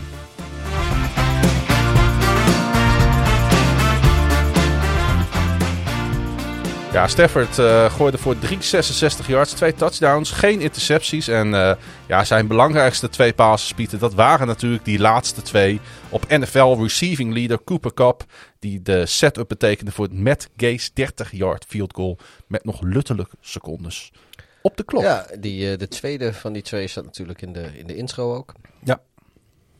Nee, dit, ja, weet dit je... was ook weer een thirder, hè? Ja, je, je verwacht bij die, bij die, bij die, op een gegeven moment was 27-3 en dan verwacht je normaal gesproken van, nou weet je, dit is wel klaar. En je weet gewoon, niet zo, zolang Tom Brady degene is die, die achter staat. Joh, laat het aan Tom Brady over nog even 24 punten goed te maken. En dat doet hij ook gewoon, weet je. Het, het wordt dan ook 27-27. En dan zie je ook gewoon dat iedereen zoiets heeft van gaan we weer. God, god, goddomme, wanneer stopt die man een keer met, uh, met, met dit soort ellende? Wanneer, wanneer kunnen andere teams een keer wat leuks hebben? Dat is bijna wat je ziet, maar de enige die dat niet dacht was Stafford. Die ik had zoiets van, uh, nou ja, dan, uh, als, als zo moet, dan moet ik ook maar even weer wat laten zien. Ik was aan het appen met gewaardeerd NFL-kenner in Nederland, Jeroen van den Berg. En die appte mij op een gegeven moment, die zei, ja, dit is, dit is wel voorbij. Toen het 27-3 stond. En toen zei ik, nou, ik durf hem nog niet te callen. en uh, uiteindelijk wonnen de Rams natuurlijk wel. Maar uh, ja, uh, het was, het was ja, dit maakt deze sport natuurlijk wel mooi hè. Dat dit mogelijk is. Dat je uit deze ongeslagen positie terug kan komen. En dan alsnog in een paar seconden tijd, net als de Bills dat hadden, toch die afschuwelijke nederlaag ook moeten slikken. Dus eerst de euforie van het terugkomen of het op voorsprong komen uit een, uit een soort van geslagen positie. Uh, en, en, dan uiteindelijk toch met de kater naar huis. Nou, ik denk dat het, weet je, met al zijn ervaring en, en alle wedstrijden die Tom Brady gespeeld heeft, heeft mist hij gewoon één cruciaal ding. En dat, dat gaat hem ook nooit lukken. En dat is Tom Brady heeft nog nooit tegen Tom Brady gespeeld. Dus die, hm. die weet eigenlijk niet dat je dat soort tijd niet op de klok moet laten staan. En als dan met Stafford zijn inner Tom Brady loslaat. Tom Brady is normaal gesproken degene die profiteert van 42 seconden. Dat, dat, ja, hij, hij had het denk ik weer op zichzelf moeten betrekken. Hij kon er natuurlijk niet zo heel veel aan doen. want de wedstrijd gaat zoals die gaat. Uh, want de, uh, de Buccaneers stonden op fourth en inches met nog 42 seconden te gaan. En toen was het natuurlijk alles of niks. Hè? Toen hebben ze die bal aan Leonard, aan playoff Lenny gegeven. Leonard Fournette, die natuurlijk die touchdown binnen uh, rende. Ja, er was ook iemand die zei, had Fournette uh, in plaats van de endzone inrennen niet gewoon moeten nielen op de 1 yard lijn. Met het risico dat je dan alsnog de touchdown niet maakt, maar dan in ieder geval niet de bal nog een keer teruggeeft aan de Rams. Uh, Zo'n zo'n veelbesproken dingetje in NFL. Het zit opgesloten in het spel, maar het gebeurt bijna nooit. Eigenlijk had hij het hier misschien wel moeten doen, hè? Ja, weet je, vooral als je het zeg maar ergens op de, op de 1 of op de halve yard Want ja, je hebt natuurlijk Brady, die de koning is van de QB sneak. Mm -hmm. Dus een, uh, een bal op de halve yard dat is uh, in het geval van Brady eigenlijk altijd een touchdown. ze hadden genoeg tijd gehad voor vier pogingen. Ja, het punt is alleen dat iedere keer als je, als je een kneel down doet, zeg maar, om de, om de klok uit te laten lopen, dan zet je de bal een yard of anderhalf terug. Dat maakt uh, normaal gesproken in de grand scheme of things geen reet uit. Maar wel als je een, een quarterback sneak wil doen. En ja, dan heb je hebt wel de Rams defense tegenover staan. Om dan, stel dat je dat, je dat doet, dan heb je in één keer nog, uh, uh, is het in één keer third and goal. En dan moet je nog twee keer proberen om die bal erin te poeren. om de om, om die wedstrijd te winnen. Hmm. En als jij kneel downs hebt gedaan. Tegen de Rams defense. Tegen de Rams defense. En dan moet je in één keer van, van drie yard lijn, van, vanaf drie yard doen. En Ja, best kans dat het lukt. Laten we eerlijk zijn. Of, of dat je in ieder geval bij de eerste keer weer, weer op een halve yard komt en dan kun je QB sneaken. Maar nee, dat risico ga je gewoon niet nemen. Nee. Nee, dat, dat, dat... Maar het is wel logisch dat zo'n scenario uh, in, in hindsight. Hè? Ja, weet je wanneer je dat doet? Dat doe je als je um, uh, denkt dat je, dat je de mindere bent. Maar als je in de playoffs bent en je speelt om te winnen, dan ga je ervan uit dat jij het beste team bent. Dus dan ga je ervan uit, wij gaan dit doen en wij gaan dit winnen. En dan ben je niet meer bang voor je tegenstander. Kijk, dit, dat is. Uh, om, het, om dat te doen. Kijk, voor, voor twee gaan, wat de Ravens in het reguliere seizoen een aantal keer deden. Ja. Uh, ofwel gewoon om te winnen, ofwel omdat de secondary kapot was. de Bears hebben het in Seattle ook gedaan. weet je, alles of niets. Ja. Um, Goed te verantwoorden. Dat is, ja, maar dat is gewoon omdat je niet jezelf sterk genoeg acht om een overtime te winnen. Of een kans wil geven op, om een, een field goal drive weg te geven, waardoor er wat gebeurt. Dus je wil het in plaats van drie beurt vier punten maken. Ik noem mm. dat, weet je, dat soort dingen. Um, dat is hier niet het geval. Je, je vindt jezelf hier gewoon het beste team en je gaat er gewoon vanuit dat, uh, dat als je deze touchdown maakt met, met zo weinig tijd op de klok, dat je die wedstrijd gewoon beslist. Dat, dat, dat, dat voel je gewoon. Je staat niet voor niets in de divisional round van de playoffs. Je, je moet toch in ieder team wel 20 seconden of 40 seconden van scoren af kunnen houden. Ja. Dat, dat, ja, dat, dat zit gewoon niet in het DNA. Dat is... Ja, dat zat niet in dit weekend, uh, Pieter. Nee, dat klopt. Maar dat het zat is nergens namelijk. Nee maar, dat is ook, nee, maar dat is ook waarom het gebeurt. Ja, uh, het zou wel eens kunnen dat die handle van uh, Tom Brady op voor net de laatste snap en de laatste play is geweest van de NFL's all-time passer leader. Ja, ik heb er nog niet heel veel over nagedacht. Zij de 44 jaar oude quarterback, ik zeg het nog maar even. Die uh, de league ook dit seizoen weer aanvoerde met een career best 5136 passing yards in het reguliere seizoen. Ook nog eens een league high 43 gegooide touchdowns. Ja, waar, waarom, ja, waar, waarom is Aaron Rodgers de favoriet voor MVP? Ik ga nog eens zeggen, als je dit even, deze statistieken even opnoemt. Mm -hmm. En niet, uh, niet Brady. Ja, ik weet dat Brady, die heeft ergens in week 13 of in week 14 heeft hij die shutout gehad tegen de, tegen de Saints.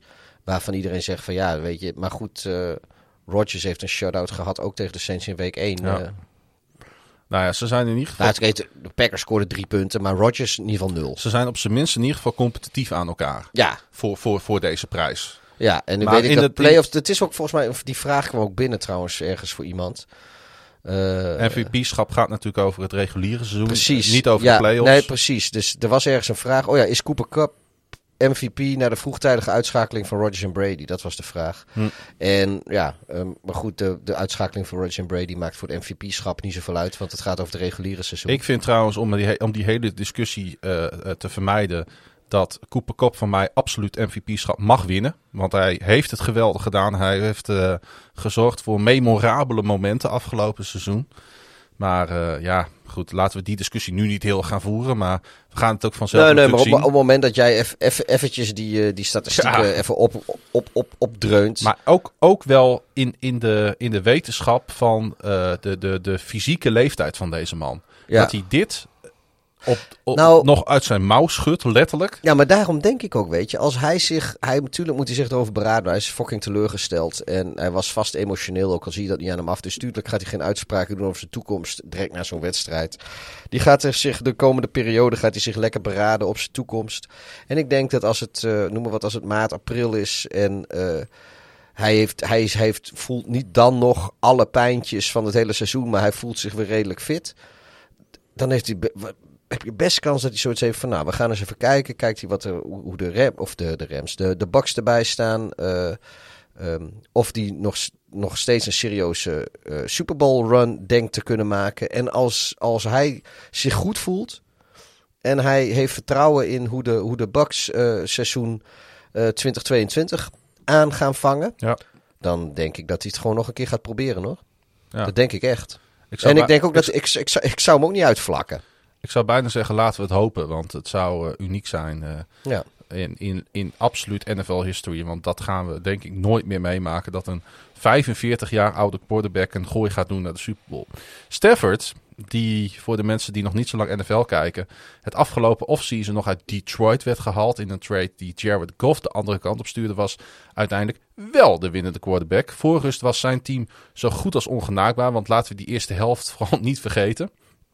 Zo vond Stafford Cup wide open achter de box secondary voor een 77-yard scoring play. Waardoor de Rams vroeg in de tweede kwart al met 17-3 voorkwamen. Ja, alles leuk en aardig, maar in de eerste helft ging echt alles mis hè, bij de Buccaneers. Ja, nou ja, wat, wat, ik, ja ik, ik refereerde net al even aan. Kijk, Brady die had natuurlijk een geweldige comeback in de tweede helft. Maar uh, die komt deels, was dat natuurlijk mogelijk gemaakt door hun eigen ineptitude. Zoals dat zo mooi in het Engels kan heten, uh, in de eerste helft. Ja. Uh, want ja, als de Bucks een beetje in de buurt van hun niveau gespeeld hadden, hadden ze natuurlijk nooit zo dik achter gestaan. En was die wedstrijd het hele, hele alle vier de kwarten doorspannend geweest. In plaats van. Uh, maar dan, kan, dan, hadden, dan hadden we niet zo'n geweldige comeback gezien. Nou, nee, maar dan had je misschien een shootout gehad zoals je die uh, in die andere pot gezien hebt. En dan was het aan één stuk doorspannend geweest. Uh, in plaats van dat. Ja, de enige reden dat het met rust en, en vroeg in derde kwart zo nog spannend was, is omdat je weet dat Brady de man is aan de andere kant. Ja. En want als het andersom was geweest, dan uh, hadden denk ik. ja, weet je, dan zet je die wedstrijd ja. gewoon af. Ja, misschien wel. Als, als, als Stafford 27-3 had achtergestaan bij rust tegen Brady en de Bucks in Tampa, zet je die wedstrijd toch af. Zeg van, nou weet je, geslapen. Ik vind het goed, joh. In principe wel. Ja. Dit was, uh... oh nee, dit was een vroege wedstrijd nog. Dus, of tenminste relatief vroeg. Ja. Maar goed, dat uh, zelfs, uh, ja. Dat, dat de Bucks het lastig hebben met de Rams is natuurlijk wel evident. Het was voor de derde keer in twee seizoenen dat de Bucks uh, van de Rams verloren. En uh, ja, dat terwijl ze natuurlijk voornemens waren. Want dat was natuurlijk het grote doel. Uh, om voor de eerste keer sinds de 2004 New England Patriots de Super Bowl voor de tweede keer op rij te winnen. Want dat is natuurlijk, we kunnen wel doen alsof het niet zo is. Maar dat is natuurlijk wel gewoon het grote doel van Tom Brady geweest dit jaar. Ja, natuurlijk. Uh, bij rust stonden ze al met 20-3 achter, mede door een touchdown van Stafford op de onbekende Kendall Blanton. En dan weten mensen die mij wat langer kennen dan vandaag dat ik uh, dan heel erg vrolijk word en dan ga ik kijken wie dat is. En mensen die mij op Twitter volgen, die hebben dit al gelezen. De beste man zit, en dat viel mij mee, al in zijn derde jaar in de NFL. Ving tot nu toe vier passes in zijn loopbaan. dus in die drie jaar. Was undrafted in 2019. En uh, ik vond ook nog dat zijn vader tussen 1979 en 1985 zeven seizoenen linebacker voor de Kansas City Chiefs was. Dus voetbal zat wel een beetje in zijn bloed. Ja, met die uh, 20-3 achterstand waren de Rams nog lief voor de Bucks. Want uh, ik weet niet of je dat hebt meegekregen, Pieter. Maar Cam Akers, die fommelde met nog maar een paar seconden op de klok in het tweede kwart. Op de Tampa Bay 1. Ja, dat was de bal. of zijn bal eerder los was dan zijn ja. hoofd de dinges raakte. en dat raakte. was zo. Dat was ja. ook inderdaad zo. Het was, het was ook een fumble. En toen kon uh, Antoine Winfield de bal uh, recoveren. Maar onmiddellijk na rust. En dan denk je van, oké, okay, 20-3, fumble, momentum shift, zou kunnen. En wat, doen, uh, wat doet LA na rust? Onmiddellijk bouwen ze die voorsprong uit naar 27-3. Ja. Dus, dus en, en, en toch had ik iedere keer had ik het idee, bij iedere score, ik zou bijna willen zeggen, ik denk hoe meer de uh, Rams scoren, hoe meer ik geloof in een comeback van Tom Brady. This angers the Brady. Er zaten meer uh, gekke dingetjes in deze wedstrijd, Pieter. Want laten we het even over de vlaggen hebben die zijn gegooid deze wedstrijd. Ja. Zo kreeg defensive tackle Ndamukong Suh voormalig Who's That Man, een unsportsmanlike conduct penalty voor taunting. En Brady er één voor klagen naar een hit die een, uh, ah, een bloedlip tot gevolg had. Nou, kijk, twee dingen. Die, die uh, Sue had gelijk. In de zin van dat uh, Stafford die trapte na bij Sue. Mm -hmm. En dat mag natuurlijk niet. Alleen Sue reageert daarop. Dus Stafford is uiteindelijk de winnaar van die confrontatie. En la, kijk, kijk, Sue is al jarenlang is er weinig mis mee met die jongen. Maar die heeft zeker in zijn Detroit-tijd was het gewoon een vuile, vuile speler. En uh, nou ja, de vaste luisteraars van de podcast is het ook geen. Uh, voor hun is het ook geen geheim dat die Detroit Lions met Stafford en Sue. Uh, dat ik daar gewoon. Daar had ik echt een hekel aan. Mhm. Mm -hmm. dat was de. God, hoe heette die die trainer toch? Die Swartz? Oh ja, ja, Swartz. Nou, in ieder geval, oh ja, dat, dat, dat, dat was gewoon echt een, een klote, een smerig klote team. En uh, zo heeft Sue ook, uh, god hoe heet nou die quarterback van de Texans, die laatst nog wel eens terug, omdat hij ook een keer zeven touchdowns in een wedstrijd gegooid heeft. Mm. Uh, maar die heeft een ongelofelijke trap in zijn noten gehad van Sue een keer in, in een wedstrijd. Hij heeft natuurlijk op, die, op de arm van die, van die Packer... Dat was niet Whedon, hè? Matt Schaub. Matt ja. hij heeft natuurlijk een keer een, een, een Green Bay Packers speler heeft hij, heeft hij op, zijn, op zijn arm ge, getrapt. hij heeft Jay Cutler een keer op het, te, tegen, het, tegen het veld gebody slammed, wat nergens voor nodig was. Dat was gewoon een klootzak. En nu, inderdaad, Stafford die, uh, die, die, die, uh, die tikte met zijn poten in zijn noten, om het uh, maar even mooi te zeggen. En zoals, terecht, zoals het in Amsterdam-Noord zouden zeggen. Ja, terecht. Dat heb ik ook nog gewoond. Dat terecht dat, dat, dat Soeda wat van zegt. Maar ja, als de scheids het niet gezien hebben, weet je, hij is er zelf ook vaak mee weggekomen. Dan moet je ook gewoon je mond houden. En dan moet hij niet als een kleuter blijven gillen en wijzen en doen. Want dan weet je gewoon dat je die vlag krijgt. Mm. Ja, Brady net zo, weet je. Dat was hij klaagde niet zozeer over de, over de, over de bloedlift zelf. Maar hij, dat was gewoon een, een, een shot to the face die hij kreeg. En dat, ja, dat hoort niet. En de bloedlip was eigenlijk bewijs. Maar we hebben een paar uitzendingen geleden ook al geconstateerd dat Sue niet meer de speler van toen was. Nee, nee, nee, dat zeg ik ook net. Ik, ik zeg net dat Sue is niks meer mis mee de laatste tijd. Dat is echt prima speler. Maar Sue die moet zeker met zijn verleden wel weten dat als je zo'n overtreding als die begaan is en er is geen vlag, mhm. dan moet je niet meer reageren, niet meer zeuren. Want dat was waar hij vroeger zelf ook op uit was. En uh, nu was hij eigenlijk slachtoffer van een trucje die hij, nou uitgevonden niet, maar die hij is uh, zeker de eerste paar jaar van zijn carrière tot, tot in den treuren heeft, uh, heeft uitgevoerd. Ja, Brady net zo, die was even niet gewend dat hij een keer niet een vlag meekrijgt. Ja. Terwijl het eigenlijk wel terecht was als het wel gebeurd was hoor, want hij kreeg gewoon een, een, een tik die, op een manier die hij mocht. Ja, en dan de laatste die wordt genoemd is die Weddle-overtreding met die waar deadball foul werd gegeven. Ja, ja dat is terecht de, de, bal was eerder Die was, dood dan dat... Hoe gek dit ook klinkt, dit was uitstekend gefloten door de ja. refs. Ja, en maar goed ook, want uh, als het andersom was geweest, zo'n penalty, uh, zo'n penalty is niet reviewable. Nee. Uh, dus ik ben blij dat ze, dat ze hebben gedaan wat ze hebben gedaan. En het bleek achteraf gewoon terecht te zijn. Hoe sneu ook. neemt niet weg dat, dat daar achteraf waarschijnlijk nog wel een boete achter vandaan komt. Uh, voor de overtreding. Ik denk dat uh, Weddle, die natuurlijk uh, twee weken geleden bij de Rams is binnengehaald, mochten de Rams de Super Bowl winnen, dat hij zoveel incentives in dat kleine contractje van hem heeft laten zetten, dat hij dat met liefde betaalt. Ah, het is ook, wat, wat, krijg je dan? Het is, het is geen serial offender of zoiets. Ja, dus dat is 10.000 dollar of zo. 10.000 dollar of zo, ja. Dus we praten wel. Ja. Notabene kop, want uh, er waren ook nog wat aparte momenten. Die in totaal 9 catches noteerde voor 183 yards. Verloor een fumble. Maar die bleef zonder gevolgen, omdat in de eerstvolgende snap uh, Buck center Brian Allen een snap in niemands land gooide. Voorbij Stafford. Die robbelde, bommelde uh, lekker het veld over. Ja, het was even comedy capers hè, in Tampa op dat moment. Ja, dat, uh, was, was dat die longsnapper van Iowa State inderdaad? Ja. Nee, nee, dit zat in een andere wedstrijd. Die heb jij bij deze wedstrijd gezet, maar die hoort niet bij deze wedstrijd. Wat, wat gebeurt er anders dan met een longsnapper wat ik me moet... Uh, er is e maar één ding wat, wat, wat, nee, wat komt, ik... Komt nog. Ja, nou, dus dan moet uh, de volgende keer als Frank zulke vragen stelt, moet hij gewoon namen noemen. Ja. Denk je dat ik de, de longsnappers van Iowa State ken of zo? Nou ja, hij ook niet hoor. Nee, dus ik denk, nou, dat zal die wel zijn. Want het, ik, ik, ik daag nu ook de luisteraars uit. Als je iets hoort over een longsnapper, wat memorabel was in de vier wedstrijden die nu gespeeld zijn, dan denk je toch aan die, aan die snap van de Rams tegen de, tegen de Bucks. Die, uh, die... Wat dacht je van de, uh, van de snap bij uh, Packers 49ers? Ja, ik, dit, deze is me meer bijgebleven. Nee, goed. Gaan we het zo over hebben. hey, een andere naam die opdook in een vraag van Martijn Koopman. Had daar die gedragsgestoorde Antonio Brown het verschil kunnen maken gisteren? Of kwam uh, de comeback echt alleen op naam van de heer Brady?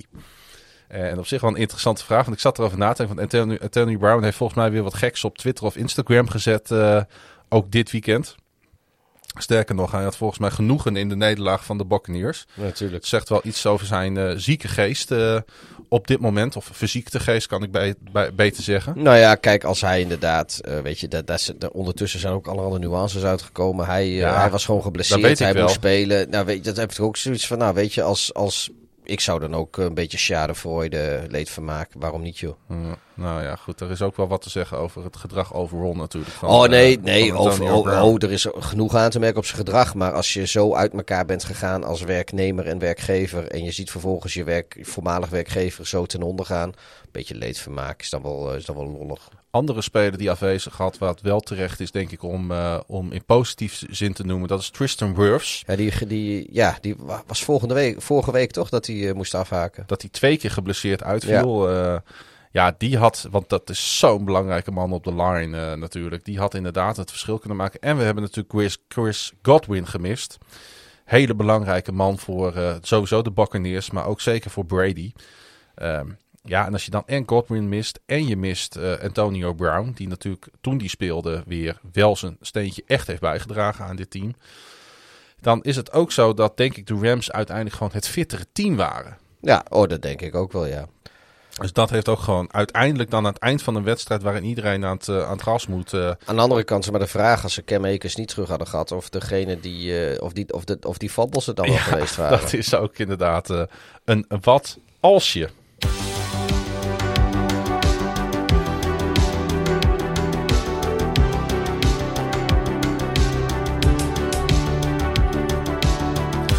Robbie Gold was weer een goud waard. Dwars door de sneeuwvlokken heen schoot hij een game-winning 45-yard field goal raak.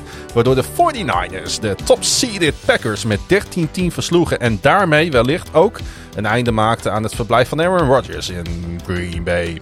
Gold heeft nu alle 20 van zijn career playoff field goal attempts raakgeschoten. Met de laatste sloot hij een in deze wedstrijd waanzinnige comeback af. Waarbij de Niners 10 onbeantwoorde punten scoorden in de laatste 5 minuten. Ja, de Packers, uh, sorry, de 49ers, die uh, staan voor de zeventiende keer in de Conference eh, Championship Game in hun bestaan. Geen team deed dat vaker sinds de conferences gevormd werden bij de league samensmelting in 1970. Ja, dat is een indrukwekkend statistiekje. Ja, dit is toch overal gewoon een geweldige franchise die uh, keer op keer uh, boven weet te drijven in de ze hebben, ze hebben vijf Super Bowls gewonnen, geloof ik, in totaal. Ze stonden ooit bij dat rijtje toen de Patriots het nog niet hadden gewonnen. samen met de Cowboys stonden ze op vijf of zes. En de Steelers? Is het niet zo dat de Patriots hebben zes en volgens mij hebben de... Zeven. Brady heeft zeven Super Bowl ringen. Uh, zes bij de Patriots, de sorry. Patriots hebben de zes. Zes, ja. En uh, volgens mij hebben de Steelers en de Niners allebei vijf. En de Cowboys zitten volgens mij op vier, samen met de Giants, wil ik zeggen. Ja, dan gaan we dit soort dingen volgens weer uit ons hoofd roepen. Dat is ja, altijd heel erg gevaarlijk. Uh, volgens mij zitten de, de Niners en de Steelers allebei op vijf. En de, de Patriots zitten op zes in hun eentje. Ja, de, de Cowboys uh, zitten toch echt op, op vijf uh, Super Bowls. Oké, en de Steelers en de Niners? Ja, ook allebei volgens mij. Toch? Nou ja, ga jij dat allemaal maar weer opzoeken live hier in de podcast. Volgende keer even vooraf doen. Ja, ik zie jou tikken, dus ik doe niks. Anders had ik het al gehad, joh. Sorry. Het is eigenlijk mijn schuld. Dat wil je echt zeggen. Most Super Bowl wins by NFL team. Ja. Nou, dat is allemaal niet. De Pittsburgh. Even kijken. Ik, ik zit al met die cookies. Ik wil allemaal die cookies niet hebben. Ga weg. Ga weg. Uh, eens even kijken. De Steelers en de Patriots hebben er zes. De Niners hebben er vijf, net als de Cowboys. En dan de Packers en de Giants vier. En de Broncos en de Washington voetbalteam en de LA Oakland of slash Oakland Raiders drie. Ja. En dan heb je een hele partij met twee, zoals de uh, Baltimore slash Indianapolis Colts. Baltimore Ravens natuurlijk. De Baltimore Ravens ook. De Kansas City Chiefs, Miami Dolphins en uh, weet ik veel. Ja. Boeien ook. Nou, dat uh, boeit zeker. Weten we weer even hoe het ervoor staat en stond. Uh, ik weet wel dat tot deze wedstrijd de 49ers gelijk stonden met diezelfde Pittsburgh Steelers. Die, uh, die dus ook uh, die dus 16 keer in de Conference Championship game stonden in hun verleden. Ik kan wel zeggen dat de Steelers wat efficiënter en de, de, de Patriots ook gaan wat efficiënter met de Championship games om dan de Niners. Dat is op zich waar, inderdaad. Dat kun je zelfs, ook constateren zelfs, hieruit. Zelfs als de Niners helemaal doorgaan tot, tot het gaatje en hem winnen. Dan nog hebben de, doen de Pets en de Steelers het beter. Met, eh, met het, aan- het aantal eh Super Bowls ze het halen. En het aantal championship games waarin ze het halen. Het is in ieder geval wel een hele knappe overwinning geweest. Want door de zegen van San Francisco. En trouwens ook die van de Bengals in Nashville. Was het de eerste keer dat de number one seeds in de divisional round verloren sinds het seizoen 2010. Het seizoen dat Green Bay in Atlanta won en de Jets in New England. Dat was dus eh, ongeveer 10 jaar geleden, 11 seizoenen geleden. Ja, Rodgers die was eh, 20 uit 29 voor 225 yards en is nu 0-4 in career playoff starts tegen de 49ers. Weet jij trouwens dat jij dat seizoen vast hebt gezeten? Was dat het seizoen dat je bij me vast zat in de lift? Nee, dat was niet dat seizoen. Dat was niet dat seizoen, denk ik. eh. Nee, oh nee, dat was, het was het seizoen. Het was in ieder geval wel het seizoen dat, eh, dat de championship game was tussen de Bears en de Packers op Soldier dat Field. zal. eh, Die eh, traumatische, traumatische ervaring. dat was, dat was vier jaar later, Wat? was dat denk ik. Wat? Die, champ- die championship- Champions Game. Nee, want de Packers wonnen van Atlanta Ja. in de divisional round. In de wildcard hadden ze van de Eagles gewonnen in Philadelphia. En toen moesten ze voor de NFC Championship game naar Soldier Field. Is dat, alweer, dus- zo- is dat alweer zo lang geleden? Dat was dat seizoen. En de Jets, die speelden tegen de Steelers voor de eh, AFC Championship game. En de Steelers en de Packers gingen toen naar de Super Bowl. En niet de Bears en de Jets, wat VDW en ik toen hoopten. Want hij was voor de Jets en ik natuurlijk voor de Bears. Het is natuurlijk wel zo dat. eh, eh, dat, dat het is wel interessant hè, om te kijken. En eh, jij zei het voor, wij hadden het eh, even over voor de podcast. Jij zei van. eh, hebben de, de, de, de, hoe zit het nou? Hadden de 49ers nou de spijt van dat ze Aaron Rodgers niet hadden gedraft? Hoe zei jij dat nou? Oh, nee, nee, wat, ehm, nee, de Aaron Rodgers is natuurlijk opgegroeid als San Francisco 49er fan. Hij Ja. komt ergens uit Californië op een paar uur rijden bij San Francisco Mhm. vandaan. Was in zijn hele jonge jeugd, of zijn jeugd zeg maar, was hij een fan van de San Francisco 49ers. En toen Aaron Rodgers eligible was voor de draft... Net, net toen als Tom Brady, hè? Volgens mij. Maar ga door. Nou, toen, toen hebben de Niners hebben niet, eh, die hebben wel een quarterback gedraft, maar die hebben Alex Smith gedraft. En eh, een eindje later in diezelfde draft waren het dus de Packers die Aaron Rodgers draften. En omdat het geen geheim was dat Rodgers een Niners fan werd, werd na de draft werd Rodgers gevraagd van joh, vind je het nou jammer dat je niet bent gedraft door de 49ers? En toen was de reactie van Aaron Rodgers, die was van nou, niet zo jammer als dat de 49ers het gaan vinden dat ze mij niet gedraft hebben. En dat, eh, dat is volgens mij het verhaal wat ik je vertelde. Ja, oké. Het geldt trouwens ook voor Tom Brady. Die is ook vlakbij San Francisco geboren. En Oh, zo. Oh, ik, had, ik, 49er dacht, fan. ik, ik dacht naar de, naar, de, naar de draft. Ik denk van, nou, maar Rodgers Nee, nee, nee. nee. 199. Ik bedoel dat zij allebei Ja, in oh ja, die regio... Zij zijn eh, Kelly Boys, ja. Juist, ja, ja, ja. Ehm, de Packers die het, eh, deze wedstrijd moesten doen zonder offensive tackle David eh, Bakhtiari. We hadden het er al over in de voorbeschouwing. Dat hij toch wel een hele belangrijke asset zou kunnen zijn geweest in deze wedstrijd. Hadden voor het tweede seizoen op rij de NFC topseed. En waren het enige team dat dit jaar ongeslagen was in eigen huis. Maar niet voor het eerst bereikten ze de Super Bowl niet. Terwijl ze wel de favoriete rol hadden. Eh, de laatste keer dat zij de Super Bowl bereikten was dus hun 2010 Championship seizoen. Ja, ehm, ehm, dat, Hun plan heeft gewerkt, hè? ja, Hun plan van niet verliezen in de NFC Championship game. Wat zij vorig jaar zeiden, gaan we niet weer doen. d- dat is gelukt. Vlag en wimpel. Vlag en wimpel. Eh, we gaan het zo meteen nog wel even daar, daar meer over hebben. Over de special teams. Dan, eh, ja, iedereen snapt denk ik wel wat je bedoelt. Eh, maar San Francisco wist met nog eh, 4.41 op de klok op gelijke hoogte te komen door de zoveelste breakdown. Want je kunt natuurlijk inderdaad zeggen dat, eh, dat Aaron Rodgers niet zo'n goede pot heeft gespeeld. En dat is, zou terecht zijn. Maar het was wel weer de zoveelste breakdown van Green Bay special teams. De grootste zwakte van de Packers dit seizoen. Of is dat niet waar wat ik zeg? Dan, dan nog, weet je. eh, eh, laten we het erop houden dat de, de special teams. die hebben eh, deze wedstrijd geen punten opgeleverd. En zeven gekost. Ehm, de special teams van? Green Bay. Die hebben zeven punten weggegeven. Nou, door- tien. Want er was ook nog die... was geen, ge- ja, het was ook nog geblokte field goal. Die ze niet goed uitvoerden. Oké, nou goed. Dan hebben ze, ze, hebben ze zeven punten weggegeven. En drie op het veld laten Juist. liggen. Juist, ja. Dan nog. Dan hadden ze in het maximale. Hadden hadden ze dus, had, had, nou ja goed, als even ervan uitgaande dat die punten, had Green Bay op 13 punten gestaan. Ja. Sorry hoor, maar mag je van, uh, van de MVP quarterback uh, en, en misschien een van de meest productieve aanvallen in de NFL in eigen huis in een Divisional Championship game. Na al dat ge, en gemier over favoriete rollen. En toen ze twee jaar geleden van San Francisco wonnen, uh, verloren. Dat ze zeiden van nou, laat ze maar eens een keer in Green Bay komen in de kou in januari. Dan zullen we het nog wel eens zien. Mm -hmm. Nou, dan mag je toch even meer verwachten dan 10. Of in het geval dan van, als die, die special teams 13 punten. Weet, het, absoluut uh, wanvertoning eigenlijk hoor. Want ze, ze hebben, als jij in de divisional playoffs als uh, number one seed in je conference in eigen huis speelt en uh, je krijgt 13 punten tegen, mm -hmm. dan mag je nooit verliezen. Nee, klopt. Dat is het eerste wat we eigenlijk constateerden toen we elkaar zagen vanmiddag, hè, toen jij bij mij kwam. We waren ja. nog geen uh, twee minuten met elkaar in gesprek en toen hadden we deze conclusie allebei al getrokken. Het was de uitge ja. uitgestrekte linkerhand van Jordan Willis die een uh, pand blokte van uh, Corway Boyorges. Boyorges. Ik weet ik, lees, ik, ik luister altijd naar hoe jij het script voorleest. Ik lees Boyorges. Dus ik heb geen idee Boyorges. die vanuit de endzone kikte. uh, en uh, Talanoia Hufanga, die pikte de bal op op de 6-yard line en rende hem binnen voor... Uh, Bogo ja, ik denk... Maar omdat hij dus Corey heet, denk ik dat het Boyorges is. Nee, uh, gewoon Corey. Dat het Engels is. Uh, Bogorikes. het was in ieder geval.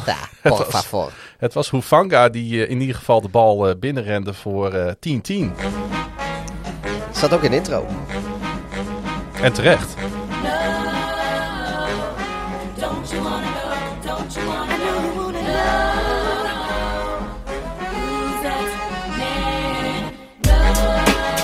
Ja, Talanoia Hufanga. Geweldige naam, hè? Werd uh, zoals de meeste van ons geboren. En wel op 1 februari 2000. Gewoon nog van deze eeuw. Ik vind dat zo raar om dat te horen. Hij is dus nu 21 jaar. Hij uh, werd in de NFL-draft van 2021 gekozen in de vijfde ronde van de NFL-draft met de 180ste pick. Uh, hij was toen eigenlijk gelijk al een publiekslieveling, lieveling, want hij reageerde erg emotioneel op het telefoontje toen hij geïnformeerd werd over zijn inlijving als 49er. Carl Shanahan beschreef hem toen al als een van onze favoriete spelers in deze draft. In zijn eerste persconferentie sprak hij uit dat hij als doel had om special teams pro bowler te worden. Maar toch was hij slechts de 180ste pick. Er waren vragen over zijn precieze positie op het veld en zijn atletisch vermogen. Hij staat als safety te boek, maar noteerde tijdens de combine niet de cijfers die horen bij een safety die gekozen wordt in de draft. Veel twijfel dus. Het komt er gewoon op neer dat hij overal wel zou kunnen spelen. Hij ging naar, uh, en dan moet jij me even helpen, Pieter, want je hebt ook een trein die erna genoemd is. Hij ging naar uh, is het Crescent of is het Crescent Valley? Crescent. Het is Crescent. Crescent Valley, want je hebt ook de Crescent trein, weet ja, ik. Crescent is een soort, soort halve cirkel. Ja. De Crescent Valley High School in uh, Corvallis in Oregon. Zijn geboorteplaats ook. Een uh, redelijke plaats met 60.000 inwoners op anderhalf uur rijden ten zuiden van Portland. Dus dan weet jij denk ik wel ongeveer waar dat ligt. Niet, niet aan de kust, maar even van de kust af. Zo ongeveer in een rechte lijn onder Portland. Misschien ben je er zelfs al ooit uh, doorheen gekomen. Zou zomaar kunnen. Nee, ik denk het niet. Want wij kwamen iets meer volgens mij vanuit het. Uh, wij kwamen vanuit uh, Bend en zo. En vanaf Crater Lake. Zo kwamen we uit binnen. Tenminste, toen ik. Meer zo uit het binnenland. In, meer het binnenland. Ja, ik ben. De enige kust die ik ooit heb gehad in Oregon was Cannon Beach. En dat ligt dan, denk ik. Dat is zeg maar de kust ongeveer ter hoogte van Portland. Ook een klein beetje ja. ten zuiden. Maar. Uh, ik denk niet dat ik recht, recht onder Portland geweest ben. Hoe dan ook, door de ont, ontdekking van goud rond 1850 kwam het stadje snel in ontwikkeling. Corvallis is Latijns voor hart van de vallei. Eind 19e eeuw kreeg de stad een elektriciteitscentrale en een tram, een enorme boost voor Corvallis. Er kwam ook een hotel en dat hotel, dat bestaat nog steeds. Wat staat er op menu?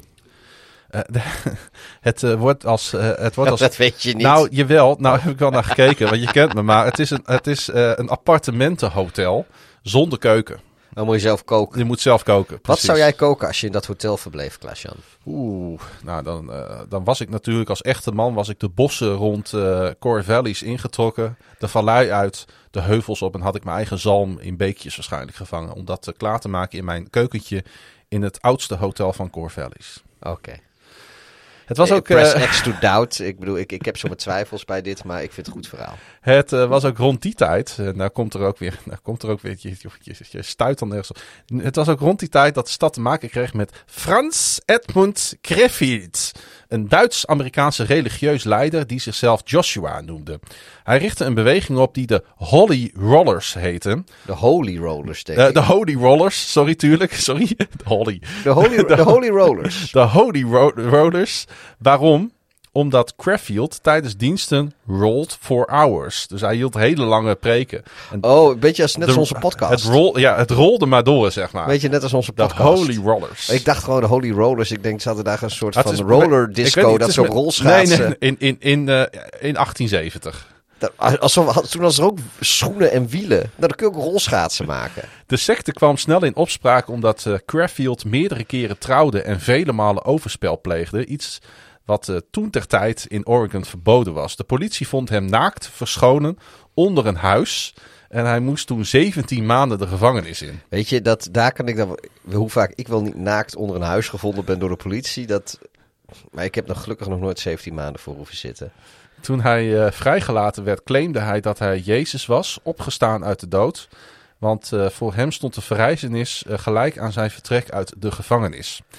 Eh Crefeld zei ook verantwoordelijk te zijn voor de grote aardbeving in 1906 in San Francisco. Na zijn vrijlating werd er een moordaanslag op hem gepleegd op een ferry. Maar die mislukte omdat de plegende verkeerde kogels in zijn pistool had gedaan. Uit, Dat is toch een raar verhaal. hij, ja, dat zei ik toch. Hij vluchtte naar Seattle. Eh, daar werd hij uiteindelijk vermoord door de broer van een van zijn vrouwen, Esther. Met goede kogels deze keer. Met goede kogels, eh, die wel een beetje klaar met hem was. Esther die zou uiteindelijk zelfmoord plegen. En later zou de aandoening waar Crefeld aan leed bekend worden onder de naam. Uh, Messias-complex. Oh, Messias-complex. Ja, ik, moet, ik moet wel meelezen met het script. Ik, ik luister Ja. altijd. En dat allemaal vanuit dit plaatsje, mensen. Ja. Dat is wel... eh, Tegenwoordig staat Core Valleys beter bekend als de plaats waar de campus van Oregon State University vlakbij ligt. Dat is gelijk ook de belangrijkste werkgever in de plaats tegenwoordig. Overigens bracht Oregon State enkele bekende spelers voort. Wat te denken van vijfvoudig Pro Bowl wide receiver Chad Ochocinco. En running back Steven Jackson, een eerste ronde draftpick van de St. Louis Rams. Hij speelde daar negen jaar en had 8000 yard rushing seasons en was drievoudig Pro Bowler. Maar het gaat niet om deze university. Marcus Mariota kwam er ook vandaan, toch? Eh, van, eh, Oh, was, die, was het een beav, Beavers zijn dat toch? Nee, Beavers? De, de, eh, Or- Niet? zijn toch de Ducks? Of is dit een andere? Nee, Oh, dat dit is Oregon. Dit is oké. Oregon State. Oké, ja, nee, dan, dan niet. Nee. Nee. Nee, nee dan ken jij mij nog niet. ik neem dit onderdeel zeer serieus. Eh, het gaat dus uiteindelijk niet om deze university. Bovendien zat onze Who's Man er niet eens op. Hij is de enige bekende NFL-speler van zijn high school, maar wel erg populair. USC wilde hem als safety, Oregon State als wide receiver en de University of Virginia wou hem als quarterback inlijven.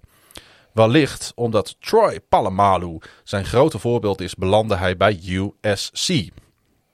In zijn junior year leidde hij de USC defense in tackles, intercepties en forced fumbles. Ik geef het je te doen. En hij won de Pac-12 Defensive Player of the Year Award en First Team All-American Honors. Dus dit is geen, eh, geen kleintje. En dat was niet eens waardoor hij zo geliefd was. Zijn werkethiek, grenzeloze energie en support richting teamgenoten en fans maakte hem tot een echte leider. Hufanga zegt dat hij zijn discipline dankt aan het opgroeien op een boerderij die zijn vader beheerde. Zijn vader was dus echt een rolmodel voor hem. Als kind stond hij vroeg op voor school en in het weekend om klusjes te doen, zoals het voeren en opruimen van de stront van de koeien, de kippen, de varkens en de geiten van de boerderij. Ter vergelijking, de trainingen van half, om half zes ochtends tijdens zijn middelbare schooltijd moeten wat dat betreft hebben gevoeld als een volledig betaalde vakantie. Want dat is het vaak wel zo bij spelers die uit een toch wat ja, uh, armoedige achtergrond komen, blijken goed in voetbal te zijn. En dan opeens, hè, dan, dan, dan staan alle middelen opeens tot hun beschikking. Want zo gaat het dan in Amerika, zelfs op high schools. Tussen die boerderij en uh, Levi Stadium is Huvanga maar weinig veranderd. Tijdens dit jaar zag men in San Francisco steeds meer zijn potentie.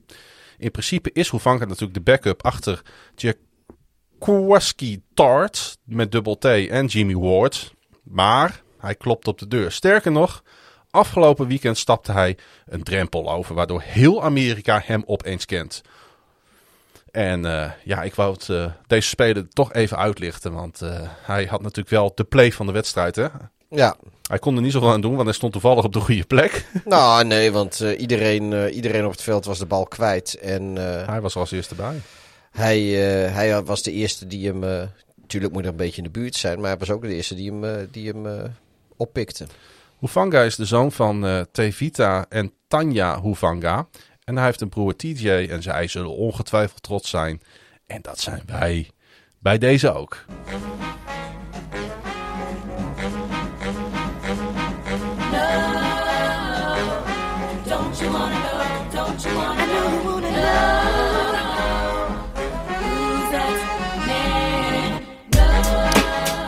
Talanoia Hufanga is de Who's That Man uh, van deze Divisional Playoff Round podcast. Nog even terug naar die wedstrijd, want het was natuurlijk nog niet uh, afgelopen bij, uh, bij, bij 10-10, Pieter. Want eigenlijk ging het daarna nog wel nog weer, weer mis hè, voor de Packers. Nee. Want op zich was het bij 10-10 nog niet eens zo heel veel aan de hand, als je heel eerlijk bent. Nee, ook dan is het gewoon de ja, weet je, de, de Niners die kregen eigenlijk gewoon niks voor elkaar. En op de een of andere manier kregen ze dus die... Uh, uh, ja, de defense van de Niners speelde verschrikkelijk goed. Laten we dat voorop zetten. Ze speelden echt heel goed. Ja. Maar er was voor Green Bay nog niet zoveel aan de hand. Omdat ze niet bang hoefden te zijn voor een scorend Niner-team. Dat lukte die staat ook totaal niet aanvallend in de wedstrijd. Hè? Nee, precies. En, uh, maar ja, weet je, de, de, de, ik, ik heb het uh, volgens mij de intro van de podcast een beetje al gezegd. Dan, uh, dan moeten, moeten eigenlijk moet Green Bay dan uh, zorgen dat ze een beetje in field goal range komen. En dan kunnen ze in principe gewoon die wedstrijd gaan beslissen. Ja, en dan gaat, ging Rodgers ging hero ball spelen. Hij, ja, nogmaals, hij, want dat was inderdaad volgens mij die, die, die daar in de wedstrijd. Dat mm -hmm. hij ja, Adams staat in double coverage. En uh, Valdes Scantling, die was in single coverage. En, uh, uh, en nog... En Lazar was ja. helemaal vrij. En weet je, kijk, ik, ik, heb, ik ben een Bears fan. Ik weet hoe, hoe, hoe het eruit ziet als, als quarterbacks niet voorbij hun eerste read komen. En ik weet hoe matig tot slecht quarterbackspel eruit ziet. En dat doe je niet met een screenshotje of zo. Maar die, hier moet je gewoon, als je de bewegende beelden ziet. En van een quarterback van het niveau Rodgers, met een naam eh, Rodgers, met, met het talent wat, wat hij heeft. Niet, niet het talent dat hem toebedicht wordt, want we zijn, zijn al twintig jaar lang voorbij die fase talent waarvan allemaal weten dat hij dat heeft. Ja, dan mag je gewoon verwachten dat je op een gegeven moment uh, met, met je seizoen op het spel een goede keuze maakt. En dat doet hij ja, met alle respect, keer op keer niet. Want ik heb volgens mij vorig jaar zat ik een week later om deze tijd. Uh, toen zat iedereen over de defense van Green Bay te klagen. Dat ze uh, rondom, volgens mij vlak voor halftime en vlak na halftime, alles weggaven aan de Bucks.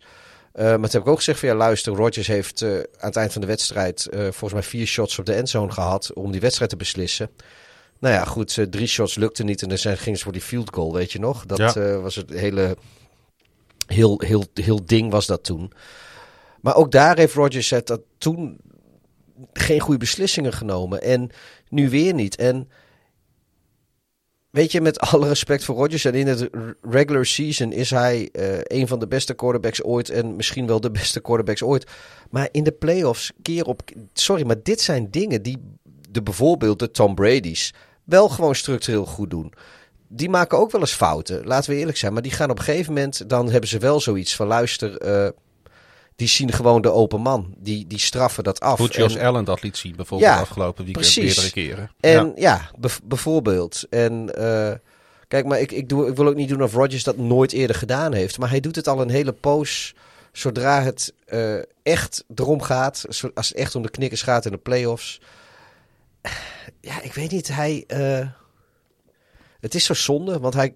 Nou ja, kijk, weet je, ik, natuurlijk vind ik dit stiekem wel leuk. Want ik, het is voor niemand een geheim dat ik niet zo heel veel sympathie heb voor Green Bay. En ook niet voor Rodgers. En na dit seizoen met het offseason van vorig jaar en dat gamier met zijn vaccinatie en zijn domme gelul erover. En vorige week ook weer van ja, ze willen me cancelen. En dan maar wel 28 minuten lang eh, interview mogen geven waarin hij kan vertellen hoe, hij hoe hem het zwijgen wordt opgelegd. Nou ja, goed, weet je. Dus echt, mijn sympathiepunten scoren ze niet bij me. Maar weet je, als liefhebber van de sport ehm, moet ik gewoon constateren dat, dat hij daar ook gewoon eh, de laatste jaren, als het er echt op aankomt, niet heel, heel veel punten meer scoort. Ik denk dat hij nog wel een paar laatste pushes in zich heeft. En dat wat dat betreft verandering van de omgeving hem wel goed zou doen. Hij is ook 38, hè, Ja. ondertussen. En niet iedereen wordt zoals eh wordt oud als op, Tom Brady. op, op een zere teen na eh, zie je het nog niet aan hem af. nou ik. ja, hij heeft de laatste jaren heeft hij zelden het hele seizoen volgemaakt. Vorig jaar toevallig. Ja. Eh, het jaar daarvoor zou hij dan het hele jaar geblesseerd gespeeld hebben met, met, met die zere knie van hem. Maar hij heeft het volgens mij... Nee, hij- Maar hij is wel een quarterback die gewoon systematisch ieder jaar natuurlijk zijn team naar een playoff kan gooien. ja, om vervolgens systematisch ieder Ja. jaar de play-off te choken. Dat klopt. En eh, weet je, je kan ook niet zeggen... Kijk, vorig jaar had je nog kunnen zeggen... de defense van Green Bay liet het ook wel zitten. Nou ja, toen heb ik al gezegd van ja, deels waar. Maar dat neemt niet weg dat Rodgers vorig jaar ook de kans heeft gehad... om zijn, zijn team alsnog naar de Super Bowl te gooien. Heeft hij nagelaten. Eh, dit jaar, ja, wat ik net ook zei, weet je... je geeft 13 punten op in een divisional champion... of een di- divisional playoff game in eigen huis, in de sneeuw, wat jouw omstandigheden zijn tegen een team uit Californië, wiens omstandigheden dat niet zouden moeten zijn. Ja, als jij dan zelf niet eens aan die 13 punten komt en daardoor die wedstrijd verliest, ja, dat is echt 100% op de offense. Dan moet je niet meer kijken naar de special teams, dan kun je niet meer kijken naar de defense. Dan de eerste, het doel van het spel is punten scoren. En als je niet verder komt dan 10 punten in vier kwarten, nou, dan moet je daar gewoon eh, als eerste naar gaan kijken. Wat dat betreft was natuurlijk die laatste play karakteristiek waarin de Packers een man te weinig in de, in de, in de, in de line-up voor de winnende field goal hadden staan. Eh, ja, toen.